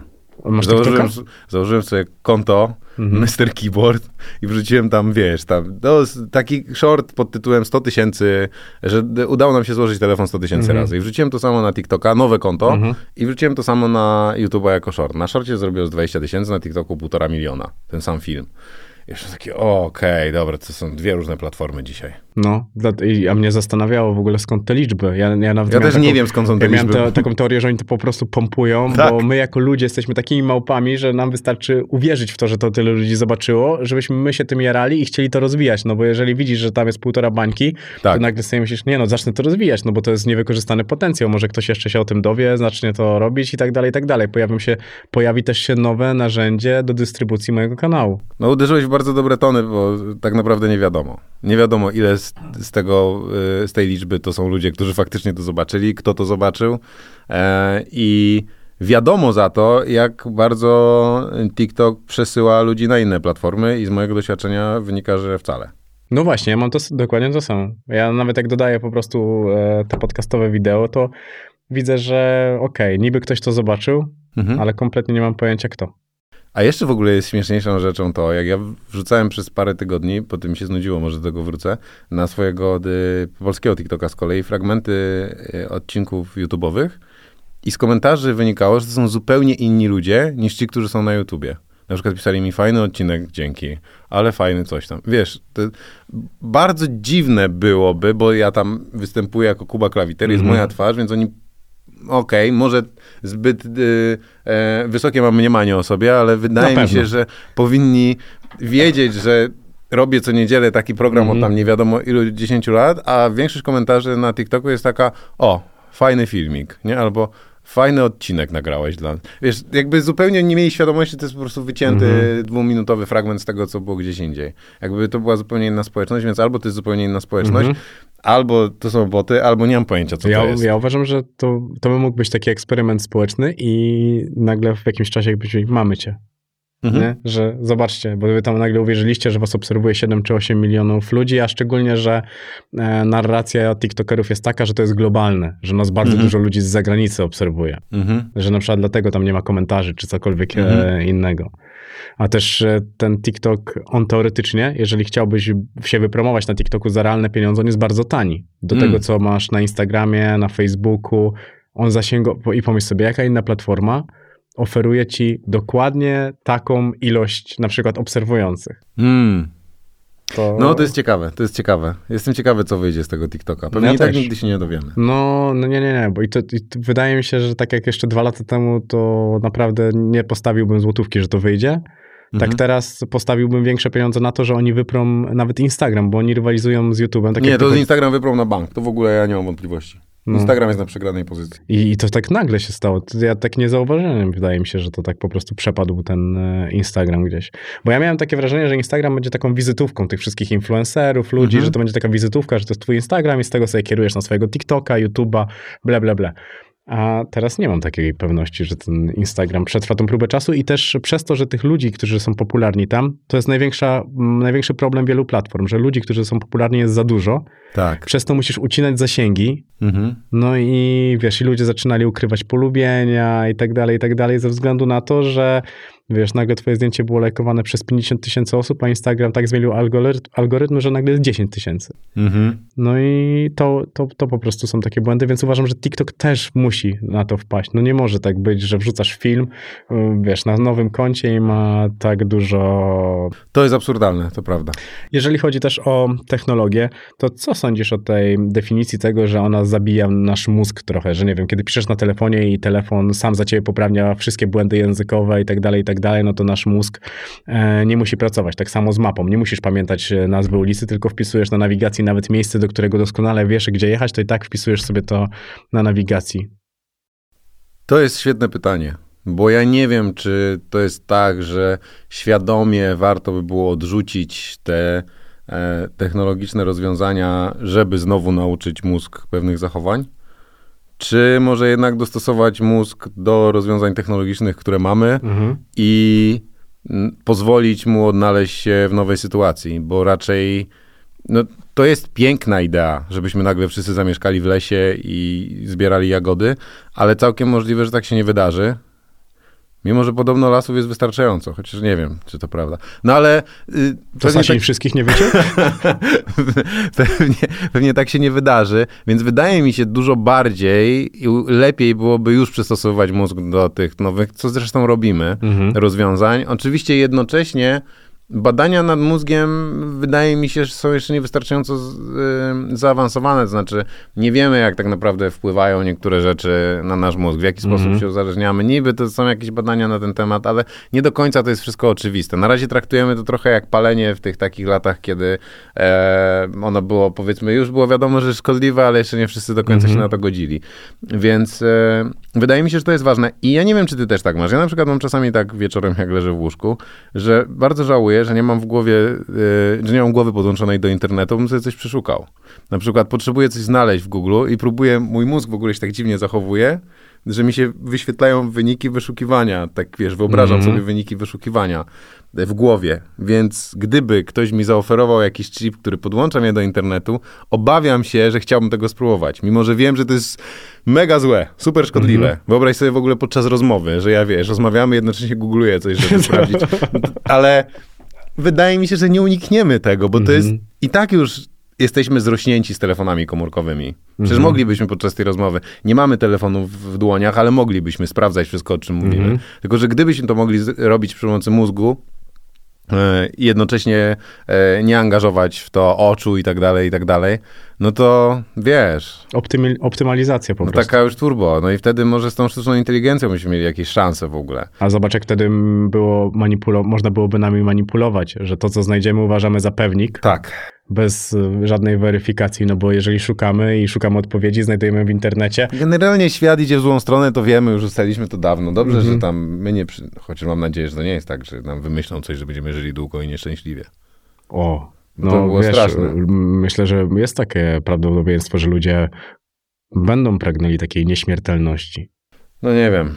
No ja wiem, no przestań, ty też to wiesz. No dobra, ale w sensie jak nad tym się zastanowisz tak bardziej. Nie? No nie, no to tak, bo to w taki bez, bez refleksji brzmi Bo za chwilę będzie, tak, bo za chwilę będzie, o super, za 100 lat 55 stopni, tam gdzie mieszkasz zero wody i wychodzisz na zewnątrz w masce gazowej, bo jest wszystko zakurzone czy coś. Wiesz, jakby nie mam świadomości jak to będzie wyglądało, ale wyobrażam sobie, że jak będziemy szli do przodu z naszą e, innowacją, e, no to może mogą się różne rzeczy wydarzyć. Ja nie jestem optymistą, jeżeli chodzi o przyszłość świata. Ja też nie. I wydaje mi się, że ten Mars to może ten Elon Musk chociaż dobrze jakoś wykombinował. No, może to jest jakiś ratunek, nie wiem. Jeżeli już patrzysz w tą stronę, to, to jesteś trochę większym pesymistą ode mnie, ale ja też e, uważam, że jednak my chcemy tak bardzo szybko, że nie, nie potrafi, to jest taki trochę, że nie potrafimy się cieszyć tym, co, co jest tu i teraz, bo tu i teraz jest całkiem nieźle jest e, super nieźle. Nie było tak, tak nieźle od dawna, no ale to już... My naprawdę mamy dużo świadomości, jeżeli chodzi o zdrowie, o wiesz, komfort psychiczny. Zobaczmy, wcześniej ludzie po prostu brnęli, nie, nie myśleli o tym, czy w ich głowie jest wszystko w porządku. Teraz potrafimy zachować jakąś równowagę. Możemy się cieszyć tą technologią, możemy zwiedzać świat tak naprawdę nawet oglądając filmy, kiedy nie mamy na to kasy. No, jesteś w stanie się w jakiś sposób dowiedzieć o nim wszystkiego. Już masz te wszystkie streszczenia tego. Nie musisz czytać, wiesz, tych wielkich, ciężkich książek, bo naprawdę jeżeli będziesz chciał, to zobaczysz sobie kilka dokumentów i tą wiedzę chociażby powierzchownie po prostu ee, muśniesz, więc to są mega ciekawe rzeczy, dlatego mnie też ciekawi, co ty myślisz, o dzieciach i technologii dzisiaj. No bo to jest ich świat. Tak. Oni się rodzą z telefonem w ręce. To by było bardzo ciekawe, gdybyśmy mieli dostęp do mm, takich badań. Nie spotkałem się jeszcze z nimi, ale może za słabo szukałem, dotyczących e, dzieciaków, które już się urodziły z technologią taką jak smartfony, tablety, mm internet obecną wokół nich, czyli nie wiem, w wieku trzech lat już wiesz, tablet i tak dalej, i tak dalej. Czy gdybyśmy mieli próbę kontrolną jakąś, nie wiem, czy w ogóle to jest do porównania, bo to trudne, bo to trzeba by się cofnąć wstecz, mm -hmm. no ale cofnąć wstecz, bez sensu. Ale y, wiesz, o co mi chodzi. Mm -hmm. To, są, to są takie rzeczy, że że jestem ciekawy, czy nasz mózg się w ogóle do tego przystosowuje. Czy to jest tak, że my jesteśmy jednak, e, to się gdzieś tam wygenerowało setki, dziesiątki, czy tam nie, nie wiadomo jak dawno temu i on po prostu ma taką konstrukcję i nie reaguje, nie dostosowuje mhm. się do mhm. tej sytuacji, czy jednak jakoś się dostosowujemy, no bo ludzie gapią się w smartfony i, i w komputery i nie mogą w nocy spać, nie? Jakby i, i to jest, wiadomo, że tak jest. I jeżeli wy, wywalisz człowieka gdzieś tam do jakiegoś miejsca, nie wiem, każesz mu rozłożyć namiot gdzieś w górach i tam będzie po prostu, nie będzie miał dostępu do elektroniki, zajdzie słońce, on po prostu nie będzie miał co robić, pójdzie do namiotu i pójdzie spać, nie wiem, o 7, 8 wieczorem, mhm. wstanie rano o 6 i wróci do tego naturalnego cyklu. To znaczy, że my jesteśmy tak skonstruowani, to znaczy, że nasze mózgi jeszcze nie przystosowały się do tego, chociaż niektórzy młodzi być może już mają przystosowane mózgi tak, że wiesz, e, skroluje telefon przed spaniem, odkłada go i sru idzie spać. Mm, no nie wiem, ja tak mam. Ty ja tak mam, masz. Ja mam komputer od ósmego roku życia mhm. i ja na przykład mogę patrzeć w telefon i nie ma to dla mnie wpływu. Ja zasypiam w 3 sekundy. No to widzisz, no to może twój mózg już się przystosował, albo po prostu mój tak, jest nieprzystosowany. Może tak stracony. Goniący. Więc, e, ale super by było, gdyby ktoś zrobił na ten temat badania. Bo jest mnóstwo tych technologicznych rzeczy, które zmieniają totalnie nasz mhm. styl życia. Właśnie jak komputery i smartfony. I myślę, że dzieciaki, które teraz, e, no na pewno w ogóle olbrzymią katastrofą jest system nauczania. Mhm. To jest, gdybym teraz był nauczycielem, to nie wiem, pewnie się ciął i myślał, moje życie nie ma sensu i tak dalej, i tak dalej. No, wyobraź sobie, że mówisz e, młodym ludziom w klasie, proszę wymienić wszystkie rzeki, nie? Albo coś takiego. No, to jest absurdalna wiedza w ogóle, niepotrzebna nikomu, nie? Teoretycznie w jakichś tam rozmowach gdzieś, gdzie wam odetną internet, może ona się komuś przydać, mhm. no ale w praktyce tego typu rzeczy, no są takie umiarkowanie potrzebne, nie? No fajnie jest... E mieć jakąś podstawę, ale mhm. kiedy nie będziesz tego zagłębiał i to jest ostatni raz, kiedy o tym rozmawiasz, ta lekcja, mhm. jest to po prostu absurdalne, nie? Chociaż czasami wiem, że dobrze jest coś wiedzieć, ale ta wiedza mogłaby przyjść zdecydowanie łatwiej, korzystając z tego, co daje nam technologia. Dlatego zadałem ci to pytanie. No i właśnie to jest, znaczy dla mnie w ogóle sytuacja z, z nauką, ze sposobem przyjmowania treści. Przecież ile my przyjmujemy treści? To jest jakaś absurdalna liczba. Masz tych informacji mnóstwo. Kiedyś były jakieś badania, że ludzie wchodzą do supermarketu i dostają za dużo informacji, bo widzą te ceny i różne produkty mm -hmm. i to już było za dużo. No teraz jakby, jeżeli to było za dużo 10 lat temu, a teraz mamy, wiesz, smartfony, rolki, prze, przewalamy się, co chwilę nowy film, co chwilę nowa treść, co chwilę ktoś tam chce nam coś powiedzieć i e, no to znaczy, że już w ogóle jesteśmy super przeciążeni, więc przyjmujemy tego bardzo dużo. Znowu potrzebowalibyśmy mm. trochę więcej ramu pewnie w mózgu, więc wracam do chipów, mm -hmm. e, żeby to, no bo gdzieś musisz to schować. I teraz pytanie, czy te rzeki tam są gdzieś, czy nie. E, gadam o rzeczach, na których się nie znam. E, nie wiem, jak działa w mózgu pamięć krótkotrwała i długotrwała. Pewnie musiałbym e, się lepiej z tego przygotować, żeby móc o tym porozmawiać. Ale wydaje mi się, że na pewno przed młodymi ludźmi dzisiaj, którzy startują z życiem, no, leży olbrzymie wyzwanie. Bo mhm. świat nie jest do nich dopasowany. W sensie szkoła nie jest dopasowana do tego, żeby ich przygotować do życia. Mhm. Y, później każdy kolejny etap życia też jest średnio przygotowany, więc to, to wiesz, jakby równolegle. No nie, no bo to, to jest duży, duży kłopot tego i my możemy marudzić na tych młodych ludzi, mhm. ale my nie mamy naprawdę podstaw, bo oni, bo oni, my mieliśmy jednak, ta technologia była dużo mniej zaawansowana, nawet jeżeli już istniała w naszym życiu, to ona była jednak dużo mniej raczkująca. Ona była powolutku, to wszystko jednak e, rosło nawet od tego internetu w modemie za minuty. Tak. No, jednak to było zupełnie, zupełnie coś innego niż teraz, bo to, co mówisz, no to faktycznie każdą rzecz możesz sprawdzić w internecie, ale cały czas pojawia się to pytanie co do weryfikacji. Właśnie, bo... czy to jest zweryfikowane, czy nie. No. I, I tutaj znowu jest, y, ale zauważ, że tak dużo jest tych y, różnych instytutów, które starają się fake newsy weryfikować i jakoś tak one się nie przebijają, co? Mm. A ile ty patrzysz dziennie w telefon? Nie wiem, ale y, chyba sporo. Z 6 godzin i więcej? Nie wiem, bo ja dużo siedzę przed kompem też, mm -hmm. wiesz? Więc myślę, że komputer trochę zabiera tego czasu z telefonu że... To pocieszające. Tak. ale, ale za to gdybyś mnie zapytał, ile patrzę za okno, no, to myślę, tak. że mógł nawet tak z 6 minut wyciągnąć. No, no. może lepszy dzień to 6, gorszy to 2. E, nie no, wiadomo, że cały czas spędzasz mm -hmm. albo nad telefonem, albo, znaczy spędzasz, mówię o sobie. Ja też. Ja spędzam po prostu przed komputerem albo przed ekranem telefonu. O, to są kłótnie związkowe. Mm. Eee, a jeżeli chodzi o audiobooki, jak patrzysz na to, audiobooki wyprą książki? Wydaje mi się, że ten rynek to jest też taki jeden, który zaczął nagle bardzo szybko galopować. Ja nie słucham audiobooków, więc nie wiem. Okej. Okay. Więc to jest takie, ja się nie dostosowałem. Trudno mi powiedzieć, czy tak, czy nie. Okej, okay, no widzisz, bo wydaje, ja, ja wiem, że w tym roku założyłem sobie, że będę słuchał, a szło mi to tak chujowo, strasznie tego nie lubiłem. Tak? No, ale stwierdziłem, że idę z tymi psami, nie mam co robić, Aha. nie będę słuchał dziesiąty raz tej samej płyty, czy muzyki. No to ma sens. E, I mówię, dobra, odpalę sobie książkę. Nie, nie za wiele podcastów lubię, więc to, co lubię, to oglądam albo słucham. E, o, na, ironio. No, słucham Podcaster na, mówi, że nie lubi podcastów. No, e, słucham raczej na bieżąco i, i wiesz, i mówię, no dobra, spróbuję z tymi książkami. Pamiętam, że pierwsze trzy, no to się męczyłem strasznie, ale jak się wkręciłem, no to 42 książki e, wykręcone, wiem, że tego bym nie przeczytał. Nie, ale to, co mówisz, ma duży sens, bo tak naprawdę y, już e, abstrahując od tego, czy te podcasty są fajne, czy nie fajne, na pewno e, treść z książek jest lepiej przygotowana. W sensie mm. ktoś musiał się przygotować, żeby to napisać i poświęcił dużo więcej czasu. Wiesz, niż... dużo tutaj nawet my rozmawiamy o naszych odczuciach, a nie tak. o stricte o tym, jaka jest wiedza. A Dokładnie. W książkach a, a tam masz... Tak. Mhm. To jest i tak samo jeżeli chodzi o lektury, bo jak sobie teraz na przykład przeglądałem ostatnio aplikację i patrzę, tam masz lektury szkolne. Pomyśl sobie, mhm. jaki to jest komforcik dzisiaj. No. I że możesz tą lekturę sobie przesłuchać, nie musisz tego czytać, nie musisz się z tym męczyć i jednak dużo, dużo wygodniej. Technologia akurat tutaj pomaga. Tak, to, to jest fajne, że rzeczywiście albo idziesz na rower, albo czytasz książkę. Kiedyś było, dzisiaj mhm. możesz po prostu z tą książką pojechać na rower no. i, i, i mieć ją w uszach, no masz rację. No, albo na hulajnodze, byle, e, byle trzeźwy. E, coś jeszcze tu e, miałem. Aha, powiedziałeś właśnie o tym, że nie rozumiem ludzi, którzy rozwinęli swój kanał na YouTube i teraz marzą mi się występy w telewizji, powinni marzyć o występach na Netflixie czy Amazonie w programie, który sami sobie wyprodukują według własnego pomysłu. Hmm. Kiedy myślisz, że otworzą się drzwi dla polskich twórców na tych platformach? Myślę, że bardzo szybko. Myślę, że to jest kwestia najbliższych paru lat. Nie wiem e, o jakim, e, jaki jest kaliber tych twórców, dla których mm. się mhm. otworzą, otworzą drzwi, ale na przykład właśnie Verge, e, o którym mówiłem, czyli mhm. ta platforma anglojęzyczna, e, która pisze o technologii, e, oni ogłosili, że od trzech lat pracowali nad takim specjalnym serialem dla Netflixa i, mhm. i właśnie teraz go jakoś wypuszczają niedługo.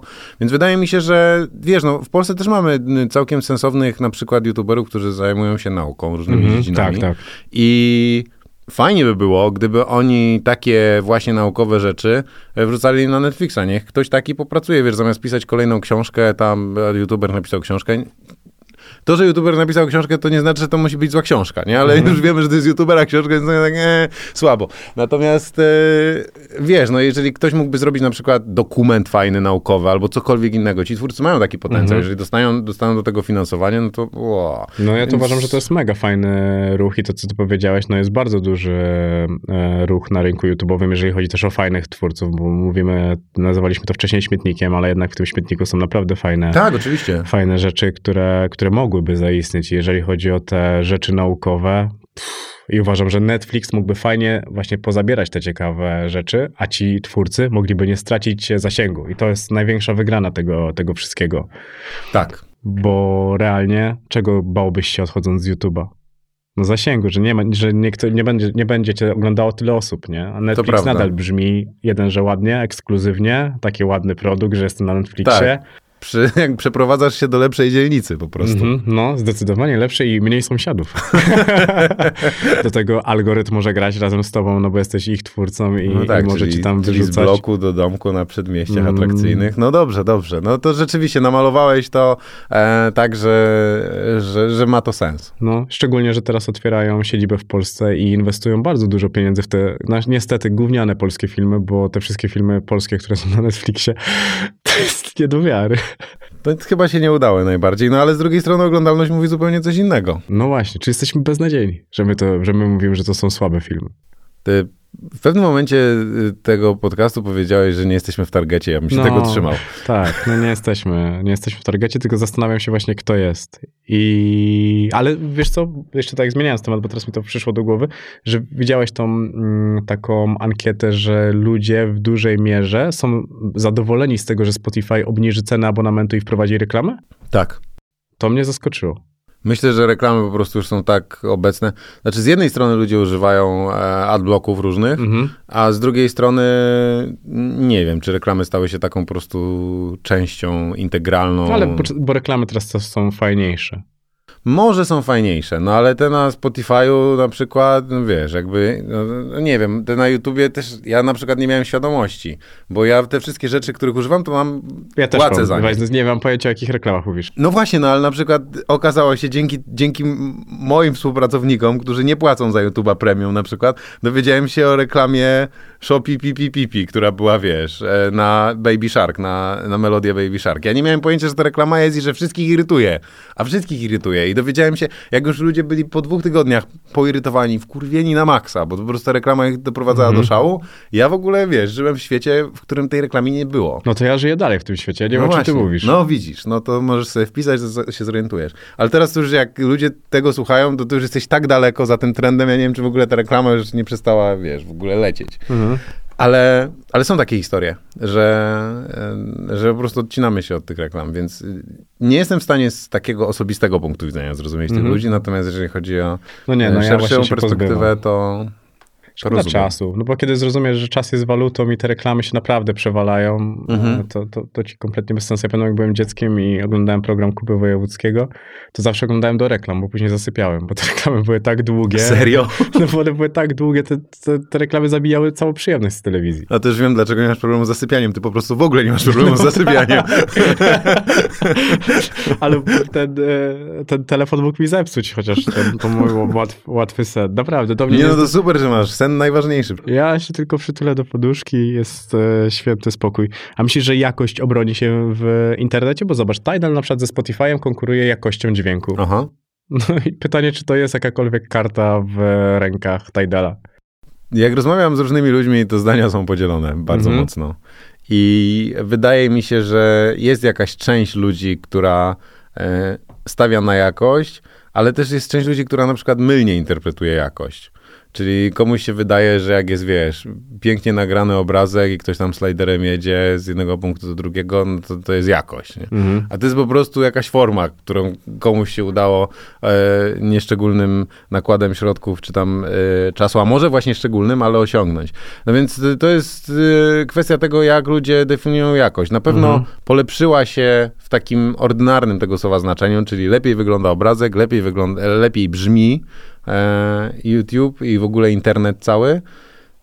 Natomiast ja nie jestem przekonany, że to jest priorytet dla odbiorców. I wydaje mi się, że jeżeli jest to priorytet, to dla bardzo wąskiej grupy. Mhm. Tu mamy podobne zdania. Co ostatnio odkryłeś tak technologicznie? Coś, o czym mogłeś nie mieć pojęcia, albo bez, co się okazało, że jest przydatne w twoim życiu? Jest jakiś taki gadżet? Hmm. Szczerze mówiąc, jest coraz mniej takich gadżetów, które bardziej to działa w drugą stronę, mhm. że z kolejnych rzeczy jestem w stanie rezygnować i likwidować. E, na przykład mam zegarek, który wydawało mi się, że do niedawna jest bardzo ważny, że on mierzy różne mhm. parametry, Albo miałem taki, a propos spania właśnie, miałem taki pas pod materacem, który mierzył jakość snu i wiesz, to się dobrze wyspałem. Mhm. No i w pewnym momencie zauważyłem, że jestem niewolnikiem tych y, gadżetów, mhm. bo wstaję rano i sprawdzam, jaki mam wynik snu, czy tam wiesz, czy dobiłem do 90%, czy nie. Jak nie, no to od razu dzień do dupy, no bo jak, mhm. źle się wyspałem, od razu masz, wiesz, nie wykonałeś zadania odpowiednio. Więc e, wydaje mi się, że bardziej rezygnuję z gadżetów, e, niż znalazłem ostatnio coś interesującego, takiego, co zmieniło moje życie totalnie. Przez cały czas myślę, mówiąc to. Mhm. E, ale... Pasek, dos, pasek mierzący sen na razie podbija moją głowę. Jeszcze czegoś takiego w życiu nie widziałem. Wiesz co, nie, no jest coś takiego. Wkładasz to pod materac i, i to tam sobie mierzy. Na jakiej twoje... podstawie to mierzy? E, na, pod, na podstawie twoich ruchów, oddechu i czegoś tam jeszcze. No, to jest napompowane, tak, więc ma czujniki specjalne. Nie może być zbyt gruby ten materac, więc jak no masz musisz bardzo... być sam na łóżku. E, będzie... Nie, nie, nie, bo on jest tak, jeżeli jesteście we dwoje, no to to są dwa, możesz takie, wiesz, dla, dla par też są takie pasy. Stary, to jest cała historia, sen. Nie opowiadaj o tych pasach dla par. ja wiem, ja, ja wiem, wiem, że jesteś panem, ja panem Pornhuba. I... Ale nie, sen, sen, relaks i spokój to są w ogóle technologiczne y, takie trendy, które bardzo mocno, szczególnie mm. na mhm. zachodzie w tej chwili e, e, są rozwijane, więc to jest jakiś hardcore. Ludzie ja. mają problem z tym mhm. i ze spaniem, i ze stresem, i zresztą wiemy o tym wszyscy. Ja jakoś kupiłem Garmina i wydaje mi się, że on tutaj spełnia wszystkie, wszystkie wymagania. Zresztą no poza tym patrz, jak wygląda świetnie. No, oglądałem twój, twój wyjazd, nie pamiętam gdzie on był, właśnie tam miał być Garmin, oczywiście Garmina nie, nie było. było, bo Garmin e, właśnie tak, tak to wszystko działa w Garminie i ja powiem ci, że Garmin to było coś takiego, co zmieniło moje życie, bo ja to potraktowałem jak grę, liczbę kroków i tak dalej, no ja przez to zrzuciłem okay. 30 kilo, bo, wow. bo po prostu zobaczyłem, mówię, kurde, no tylko tyle kalorii, no to idę na spacer, idę pobiegać, idę coś zrobić i to cały czas zaczęło się nakręcać, więc e, ja, ale ja też się wyzbyłem bardzo dużej ilości technologii ze swojego życia, naprawdę. Kiedyś to wiesz, jakieś grałem w piłkę, to były takie chipy z Adidasa wkładałeś, żeby tak. to ci mierzyło. To były takie absurdalne rzeczy czasami, jeżeli chodzi o to i, i ludzie dawali się na to nabrać, bo to chyba tylko tak można określić, jeżeli chodzi o taką technologię. W pewnym momencie masz wrażenie, że mierzysz zbyt dużo aspektów swojego życia, że fajnie, że one są mierzalne, ale może nie jest to konieczne. Wiesz co, ja chciałbym, żeby było coś takiego, jak masz takiego Garmina, żeby mierzyć na przykład dla psa, bo jak masz psa, który jest faktycznie aktywny, na przykład dobranie dla niego dobrej diety, żeby... Są. Tak, są? są Podeślę takie... ci. A, to widzisz, to bardzo fajne, bo ja zastanawiałem się właśnie, bo to jest naprawdę ważne, jeżeli... Nie wiem tylko, czy są dobre, byś musiał to przetestować, ale, ale wiem, że są. O, to widzisz. Dasz bo, znać. Tak, dam znać, bo szukałem czegoś e, takiego e, dla psa. To z czego ty jeszcze zrezygnowałeś? O tej opasce pod, pod materacem powiedziałeś. no. E, wiesz co, z czego jeszcze zrezygnowałem? Nie, wydaje mi się, że bardziej chodzi o taki typowy monitoring e, mhm. rzeczy. I też miałem jakieś kuchenne takie pierdoły, które coś tam miały robić za mnie, ale nigdy niczego nie robię w kuchni poza jajecznicą, jakimiś takimi podstawowymi sprawami, więc to nie było... No i tak już dużo. To bardzo dziękuję, jesteś niezwykle uprzejmy. Tak, tak. To I... taka pierwsza rozmowa. Rozumiem. Nie, nie ma tak, no okej, okay, nie chodzę z dwoma telefonami. To mhm. też jest e, Sukces. Że, że, że, raczej mam jeden. I to jest tak, że, że... Ja znam gości, co chodzą z dwoma. Drugi jest zazwyczaj taki bardzo stary. Natomiast y, słuchawki to jest chyba coś takiego, co zawsze mam gdzieś ze sobą. Takie mhm. bezprzewodowe, które możesz włożyć do uszu i wydaje mi się, że to jest gadżet, który pewnie wielu... I to jest w ogóle taka niedoceniona, y, niedoceniona część rynku, że idziesz gdzieś, szczególnie jak ludzie teraz mówią, o, muszę iść do kawiarni popracować. No mhm. No to musisz mieć ze sobą słuchawki i y, oczywiście laptopy jeszcze mają wyjście słuchawkowe, ale smartfony już mniej. Mhm. Jak chcesz czegoś posłuchać, a nie jesteś Chińczykiem, który musi słuchać na głos, bo oni mają taką kulturę. Choć w Polsce też widziałem już podobnych przedstawicieli, którzy nie byli są, Azjatami. Są, są. E, no, no, to, no to chcesz to robić na słuchawkach, więc e, wydaje mi się, że mam absurdalnie dużo bezprzewodowych słuchawek. W sensie kupuję jakby kolejne, po coś tam, te są w samochodzie, te są w plecaku. A i... to jest świetne, bo jak zgubisz, to nawet nie odczuwasz.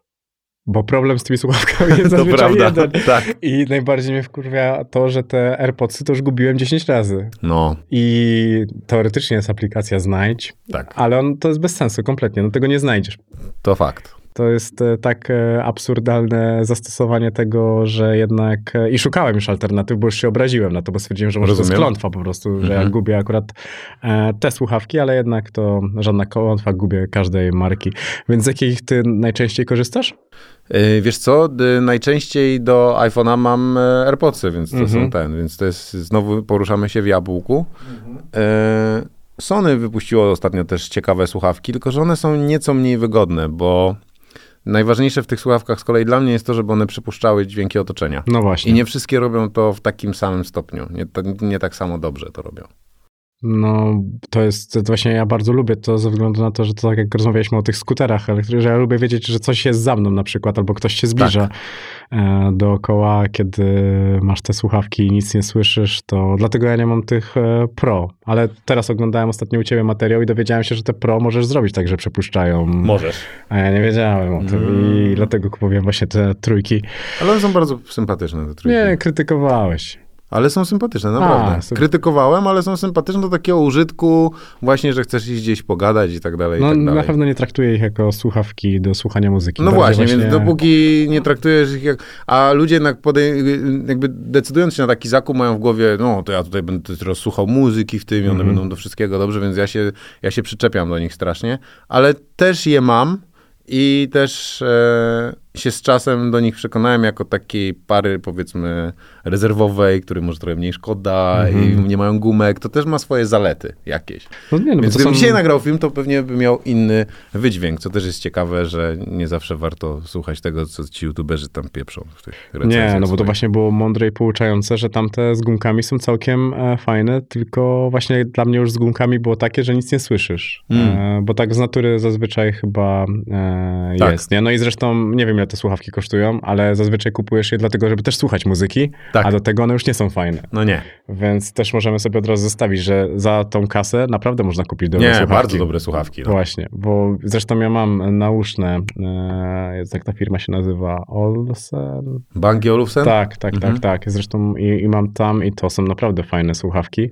No. E, I cenowo trochę droższe, co prawda od tych, ale tylko trochę i tam można słuchać muzyki. Tylko no. już tak niewygodnie się rozmawia za to przez telefon e, i to są też minusy.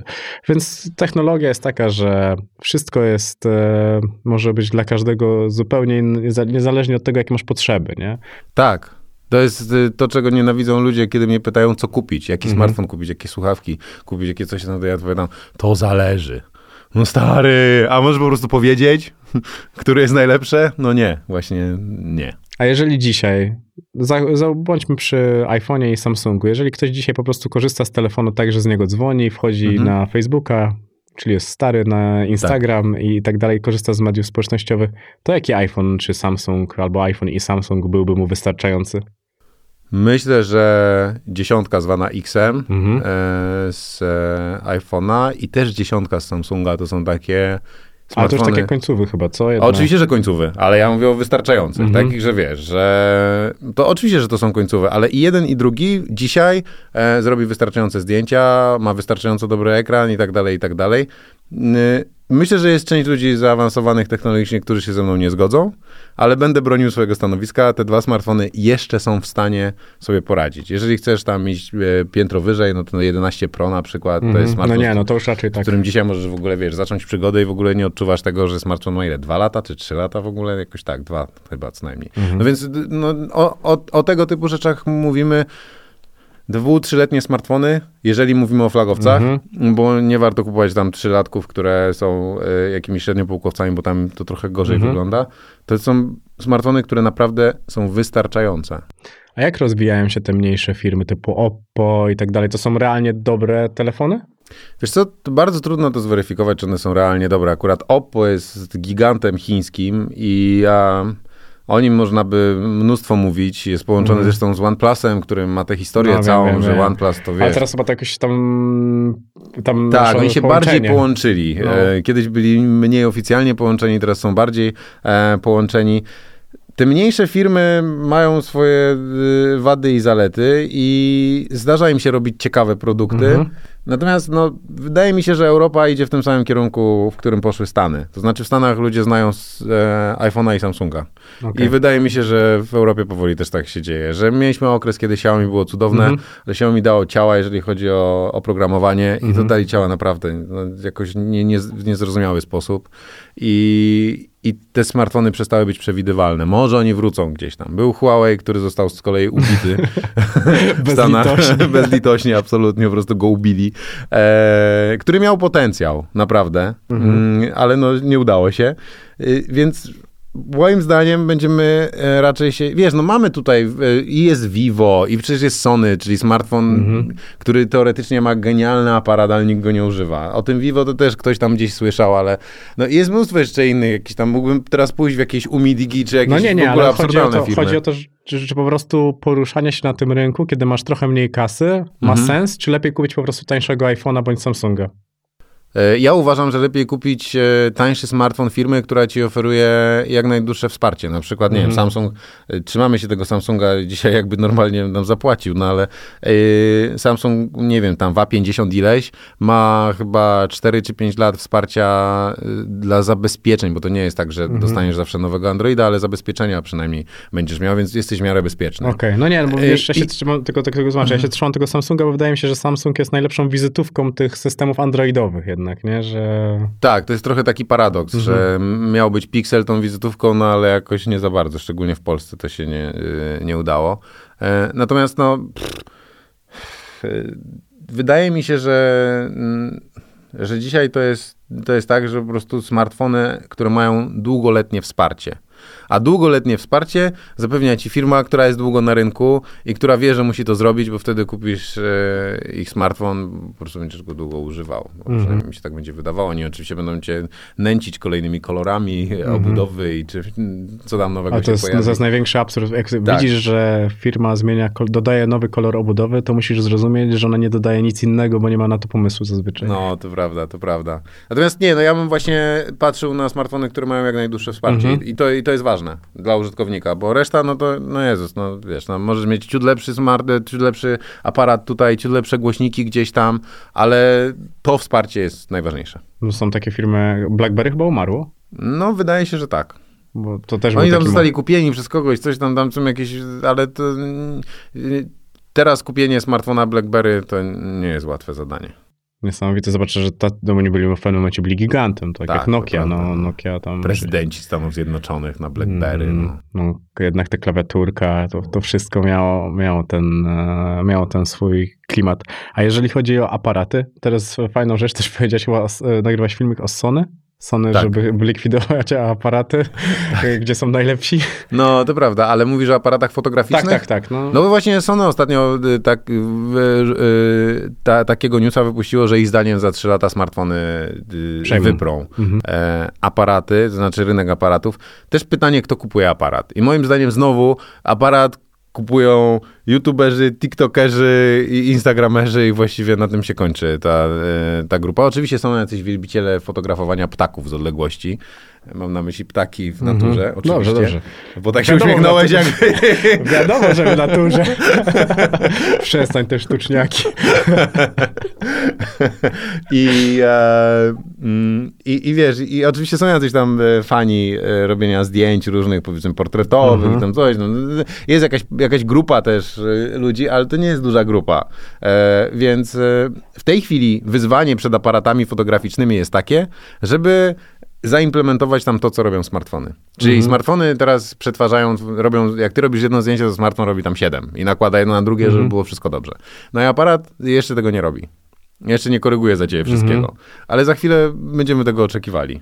Bo tym iPhone'em już pod słońce ładniej te filmiki wyglądają niż tym e, Canonem czy Sony. No nie? i wracamy do tego momentu, o którym ci pytałem, czy to nie jest tak, że wyręcza nasz mózg, bo nie musimy już się skupić, nie musimy myśleć o technice, a wymagamy tego od technologii, nie? Tak. No i to jest, e, to jest niesamowite. No zresztą jak ja nawet nagrywam te rolki, to ja nagrywam to iPhone'em, bo mhm. wiesz, to jest jedno kliknięcie, iPhone to jeszcze ładnie wszystko sobie pokoloruje i tak dalej, i tak dalej i, i wio, i masz, nie masz problemu, nie? Bo długo zastanawiałem się nad tym, w jaki sposób to nagrywać, a potem zobaczyłem na YouTubie, jak iPhone 13 Pro nagrywa filmy. Tak. I to polecam zobaczyć każdemu, bo myślę, wydaje, że ludzie nie zrozumieją, jaki, jakiego masz potwora w kieszeni. Mhm. A jak rozmawiamy o potworach w kieszeni, to jak gadżety erotyczne i technologia się ze sobą łączą? Jest jakieś połączenie? Interesowałeś się kiedyś tym? Czy to idzie ze sobą w parze? Mm, wiesz co, no... Y Interesowałem się przez jakiś czas, później troszeczkę to zainteresowanie opadło. Taki scenariusz też można wziąć pod uwagę. E, natomiast no... Przepraszam, że narzuciłem ci od razu orientację. To dziękuję bardzo. Nie obraziłem się w ogóle. Okej. Okay. E, słuchaj, jakby wiem, że mm, czy to było 360 czy VR, mówiło się o tym, że e, to właśnie branża e, erotyczna jakby rozwinie mm -hmm. to i nie rozwinęła tak naprawdę. Nadal są te wielkie gogle na, na oczach i nikt nie ogląda na tym film. Może ktoś ogląda filmy dla dorosłych, ale, ale nie sądzę. Natomiast no, ta, jeżeli chodzi o technologię mm, w gadżetach erotycznych, no wydaje mi się, że ona się mm, całkiem nieźle tam implementuje. Szczególnie, mm -hmm. wiesz, ludzie, którzy mają, nie wiem, związki na odległość i facet może z drugiego drugiego końca świata sterować wibratorem, albo kobieta może wibratorem sterować, albo już nieważne, czy są pary heteroseksualne, czy homoseksualne. Ktoś może sterować. Te, każdy może sobie sterować tymi gadżetami mhm. erotycznymi. Ty się możesz w coś ubrać niemalże, w całą kamizelkę i wiesz, i ktoś może tym sterować i będziesz prawie czuł dotyk. Więc idąc y, tą taką napastliwością Marka Zuckerberga, który bardzo by chciał, żebyśmy się wszyscy przenieśli do świata wirtualnego i żyli w tym metaversie, to siłą rzeczy e, technologia w gadżetach erotycznych musi troszeczkę nadgonić, już nadgania, mhm. jest nieźle, nie jest jeszcze na tym etapie, na którym być powinna Bo pewnie. ona zwolniła, bo tam jednak tak. wyobrażenie o tym było dużo większe. Było dużo większe. Oczywiście masz, możesz założyć rękawiczki i wtedy czujesz różne rzeczy w tych rękawiczkach, jakby, jakby one mhm. fizycznie były, a ich nie ma, bo dotykasz powietrze. Natomiast e, no, to jeszcze jest długa droga, powiązania są. Mhm. Wydaje mi się, że będzie to dynamicznie się rozwijać, bo jeżeli chcemy e, mieszkać koło Snoop Doga w metaversie i tam on będzie mhm. organizował imprezy, no to też wirtualnie w tych imprezach będą brali udział różni ludzie i nie wiadomo jak to się potoczy. Ktoś chce pójść z kimś na piętro, ale jeden mieszka w Rosji, no może to nie jest dobry przykład, w Polsce, a e, drugi w Nowym Jorku, no i trzeba się jakoś spotkać. Nie? I to fizyczne spotkanie jest możliwe tylko dzięki erotycznej technologii mhm. na odległość. Widzę, że masz zaawansowaną wiedzę w przeciwieństwie do wielu tematów z dzisiaj. Dzięki bardzo. A rynek gier też zwolnił? Wiesz co, rynek gier z kolei to jest e, dla mnie e, taki, e, taki kawałek, którego ja nie pokrywam, mhm. ponieważ mniej gram w gry niż inni, głównie dlatego, że jak zaczynam grać w gry, to nie mogę skończyć, więc świadomie to odstawiłem. Mhm. O, to tak jak ja. Nie wiem tak naprawdę, na jakim etapie jest w tej chwili rynek gier. Obserwuję go, wydaje mi się, że z mojej perspektywy on jest taki niemrawy, mhm. a może ktoś przyjść z rynku gier i powiedzieć, stary, co ty gadasz, my w ogóle jesteśmy teraz tak rozpędzeni, że koniec świata, zaraz zobaczysz, co wyjdzie, po prostu oszalejesz. I też nie wiem do końca, bo to też jest takie, nie wiem, czy pamiętasz tą sytuację, kiedy Xbox e, i Sony w ogóle poszły w pewne, bardziej, bardziej Microsoft poszedł, trochę w taką stronę, że dobra, to teraz będziemy robić kontrolery ruchowe, mhm. cuda na tak, kiju tak. i tak dalej, wiesz, będziemy grać w tenisa przy, przy tej konsoli i ostatecznie Sony powiedział, dobra, ale my tak naprawdę robimy konsolę dla graczy i chcemy dać im pada i jakby pieprzyć te wszystkie kontrolery ruchowe. One oczywiście tam niby są, ale nikt i tak tego nie używa, poza dziećmi pięcioletnimi i wtedy masz usprawiedliwienie dla kupienia konsoli. Ale pytanie właśnie na ile, wiesz, na ile my potrzebujemy takich gier, które będą bardziej rozwinięte, jeżeli chodzi o e, nasze wtopienie się w te gry, czy nasz udział, mm -hmm. czy to takie, wiesz, metaversowe, no bo to wszystko jesteś w stanie sobie wyobrazić. Pytanie, czy potrzebujemy. No z drugiej strony ja też a, testowałem te kamizelki, które pozwalają w grach... E... Już mówiłeś tutaj dzisiaj o kamizelkach. Tych erotycznych. No, no dobra, no do erotycznych, no ale ja mówię o, o takich e, kamizelkach, które pozwalają, no to pewnie są te same kamizelki tak naprawdę, a przynajmniej mechanizm jest ten sam, e, które pozwalają ci e, poczuć się w grze, nie? Czyli czujesz mm -hmm. każdy wybuch i tak dalej. Też są takie, które ten dźwięk przenoszą, no i, i może, może to jest fajne. Mm -hmm. Ja pamiętam jak 10, no może nie 10, ale z 7 lat temu dostałem takie buty i facet mnie wsadził w takie coś i te buty miały pod spodem takie korki, ale one się ślizgały po tej powierzchni i ja biegłem w tych butach i widziałem na ekranie, że biegnę, ale stałem w miejscu. To są takie, mhm. takie no, nie wiem, jakby cię do końca wsadził dla dużego człowieka, masz barierki, łapiesz za te barierki i biegniesz. Mhm. Potem puszczasz te barierki, bo jeszcze masz broń w dłoń. No i teraz pytanie, czy to jest spoko, czy jednak wolisz pada? Nie wiem, czy ktoś robi badania na ten temat. Na ile my chcemy się zanurzyć tak bardzo mm -hmm. w ten e, świat wirtualny i chcemy, żeby on przypominał nasz świat rzeczywisty, czy może właśnie chcemy na kanapie z chipsami siedzieć i sobie tam pykać, a może właśnie przy klawiaturze, e, wiesz, PC i, i siemanko. Mm -hmm. No, mi się wydaje, że rynek gier też wyodrębnił sobie z pewnego rodzaju społeczność i w tej społeczności czuje się bardzo dobrze, ale bardzo rzadko jest taki tytuł gry, który wychodzi poza społeczność, że hmm. Cyberpunk miał być taki, mm -hmm. że miał to, tak. wiesz, przebić tą ścianę Jasne. tego, ale no wyszło jak wyszło. Mm, nie pykło raczej. E, a tak, no to raczej masz ten rynek gier po prostu taki skonsolidowany, to są jednak ci sami ludzie, ci sami e, twórcy i kręci się to dookoła siebie, ale to jest bardzo dobry rynek, tak z mojej, z mojej optyki, ale nie mam pojęcia, czy, czy nie gadam głupot. Chyba teraz nawet Diablo wychodzi, to jest akurat gra, na którą no tak. wyjątkowo czekam, no bo to gra mojej młodości, no to klasyk, jednak no. E, bardzo, bardzo lubię. Przegadaliśmy trochę wątków tutaj. No to prawda. Dużo, e, dużo rzeczy. Jest jeszcze technologia gdzieś, gdzie patrzysz i nie możesz się napatrzyć, że tam też zawitała? Hmm, ciekawe pytanie. No bo są miejsca, gdzie pewnie technologii byśmy nawet nie spodziewali się, że może wejść, nie wiem, typu w sport, w piłkę nożną. Mhm. Zobacz, teraz masz ten VAR, to są tak. jednak rzeczy nowe.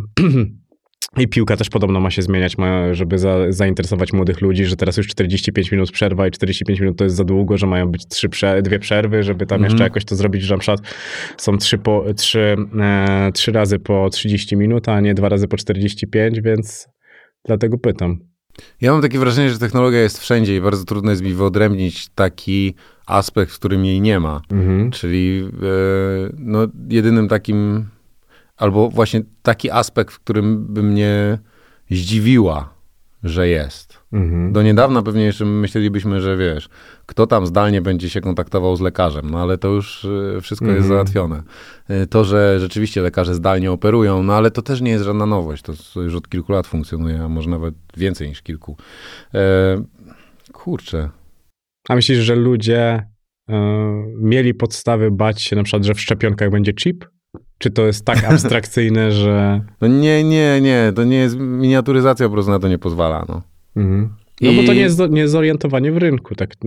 To jest prosta sprawa, trzeba poczytać i zorientować się, jaki można najmniejszy chip zrobić. Mhm. No i czy on jest w stanie, jesteś w stanie przez tą cieniutką igłę go tam wcisnąć i czy on będzie w stanie się poruszać w ogóle jakkolwiek, wiesz, mhm. jest, i nadawać, bo w jaki sposób chip, żeby jakby ktoś szczytywał coś, to musi nadawać jakoś, musi mieć jakieś wsparcie, nie? Musisz go do czegoś podłączyć. Albo musisz mieć czytnik bardzo blisko tego chipa. No teraz jak ktoś ci wszczepi ten chip, to nie wiadomo, której części ciała on wyląduje, już zakładając, że ktoś coś robi, nie? Absurdalnie.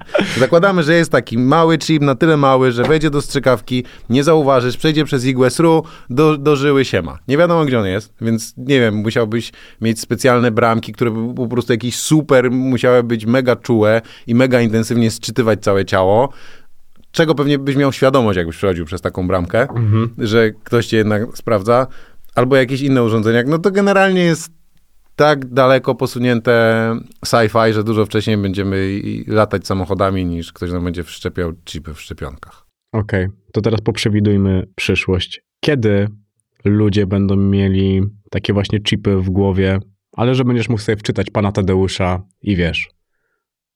Konkretny rok. Konkretny rok jest 2022-2035. Sprawnie, nadal. Nie, no daj spokój, że to, może, może ten Elon Musk nie oszukuje, no. Bo przecież on ma tę firmę z chipami i tam małpa coś tam. Chociaż to są dyskusyjne sprawy. Ale wydaje mi się, że tak, ludzie są już, 35. Wiesz, A latające samochody? 45-50 wcześniej, nie? Mm, to też tak mi się wydaje. Akurat w 50 ma się skończyć, e, kończyć powoli świat. O, to tak, akurat tak, będziemy. Tak, tak. Ostatnio sobie akurat oglądałem dokument o, o plastiku, jak, e, jakim był świetnym wynalazkiem, a równocześnie jak sami się grzebiemy, produkując go e, coraz, coraz e, więcej. Chyba tam było właśnie, że ten plastik nas w tamtym okresie zacznie powoli kończyć jako... A, i że będziemy sobie po prostu wydubywać już ze skóry ten plastik. Mm tak, tak, tak, no okay. bo jego jest już tak dużo i że no ciężko sobie to wyobrazić. Ogólnie szczególnie jak oglądasz jakieś tam dokumenty o ludziach wcześniej Aha. i wiesz, i mówisz, że ci ludzie byli tacy mądrzy, oczytani, nie? A patrzysz na ich ruchy, jak oni nie dbali o to środowisko, jak nie mieli świadomości tego, co robili sami dla siebie koniec końców e, źle, mhm. to się zastanawiasz, czy na pewno to tak było, jak my sobie próbujemy gloryfikować. Ostatnio Krzysztof Stanowski akurat był u Winiego i oglądałem ten wywiad i opowiadał o tym, jak wyglądało kiedyś dziennikarstwo. Aha. Że było tak, że napisałeś tekst do gazety, no i nikt nie mógł napisać pod nim komentarza, że to nieprawda, że to zły wynik meczu i tak dalej, i tak dalej. I zazwyczaj jak już ktoś naprawdę się wkurwił i przeczytał taki artykuł, to pisał list do redakcji, że ten tutaj, tu i tu, tu, no tylko do kosza i tyle zostawiał z tego, z tego listu. I że często gloryfikujemy właśnie tych starszych dziennikarzy, a tam był babol na babolu, tylko nikt o tym tak naprawdę nie był w stanie e, wiedzieć. I wydaje mi się, że tak samo jest z, czasami z gloryfikowaniem wielkich e, mózgów tamtego czasu, no bo wiadomo, są tacy, którzy się faktycznie nie mylili, ale mm. jest bardzo dużo po drodze, którzy słyną tylko z tego, że słynęli, a nie ma tak naprawdę po nich wielkich e, dowodów i gdzieś te tylko nazwiska przewijają się przez karty historii, ale bez żadnych wielkich e, dokonań, a czasami obracając się tylko w pewnych dobrych kręgach. Akurat ostatnio o tym e, dużo, dużo czytałem i mitomaństwo na tamtym poziomie jednak było bardziej dające efekty i, i to było ciekawe. To jeszcze kończąc, miałeś takiego dziennikarza, jak zaczynałeś to robić, który myślałeś sobie, on jest naprawdę fajny? Hmm. Tak. E, wydaje mi się, że fajny. Wtedy wydawało mi się, że fajny jest. Potem myślałem, że ma fajny zespół. Teraz nie do końca wiem, jak jest. Mam wrażenie, że trochę osiedli na laurach, ale nadal robią dobrą robotę. E, facet nazywa się e, Olivier, to jest Jamie Olivier. Mhm. E, on prowadzi taki e, taki program w Stanach. Jak on się nazywa? Nieważne. W każdym mhm. razie raz w tygodniu prowadzi i oni rzeczywiście mają super redakcję i e, świetnych ludzi, którzy piszą teksty. Problem polega na tym, że ja poszedłem w inną stronę. Ja jestem swoją redakcją mm -hmm. i robię research i sam sobie piszę teksty, ale wtedy miałem takie wrażenie, ok, ten facet potrafi ludziom tłumaczyć politykę. Teraz się bardziej spolaryzował, jak mam wrażenie każdy dziennikarz, mm -hmm. który traktuje politykę jako swój, swój temat, że albo jest bardziej po tej stronie, albo po tamtej, ale wtedy ten warsztat całej redakcji bardzo mi się, bardzo mi się podobał. Fajnie to określiłeś, bo tak jak ty powiedziałeś o nim, że on tłumaczył ludziom politykę, mhm. to tak wydaje mi się, że ty tłumaczysz ludziom technologię w taki sposób, że każdy jest w stanie to zrozumieć. Mam nadzieję, że tak jest. Jeżeli tak jest, to bardzo się cieszę. Bardzo Ci dziękuję za to, że mogliśmy się spotkać i porozmawiać. Godzina 44. O rany, to do tego momentu dotrwa. To ja bardzo dziękuję za zaproszenie.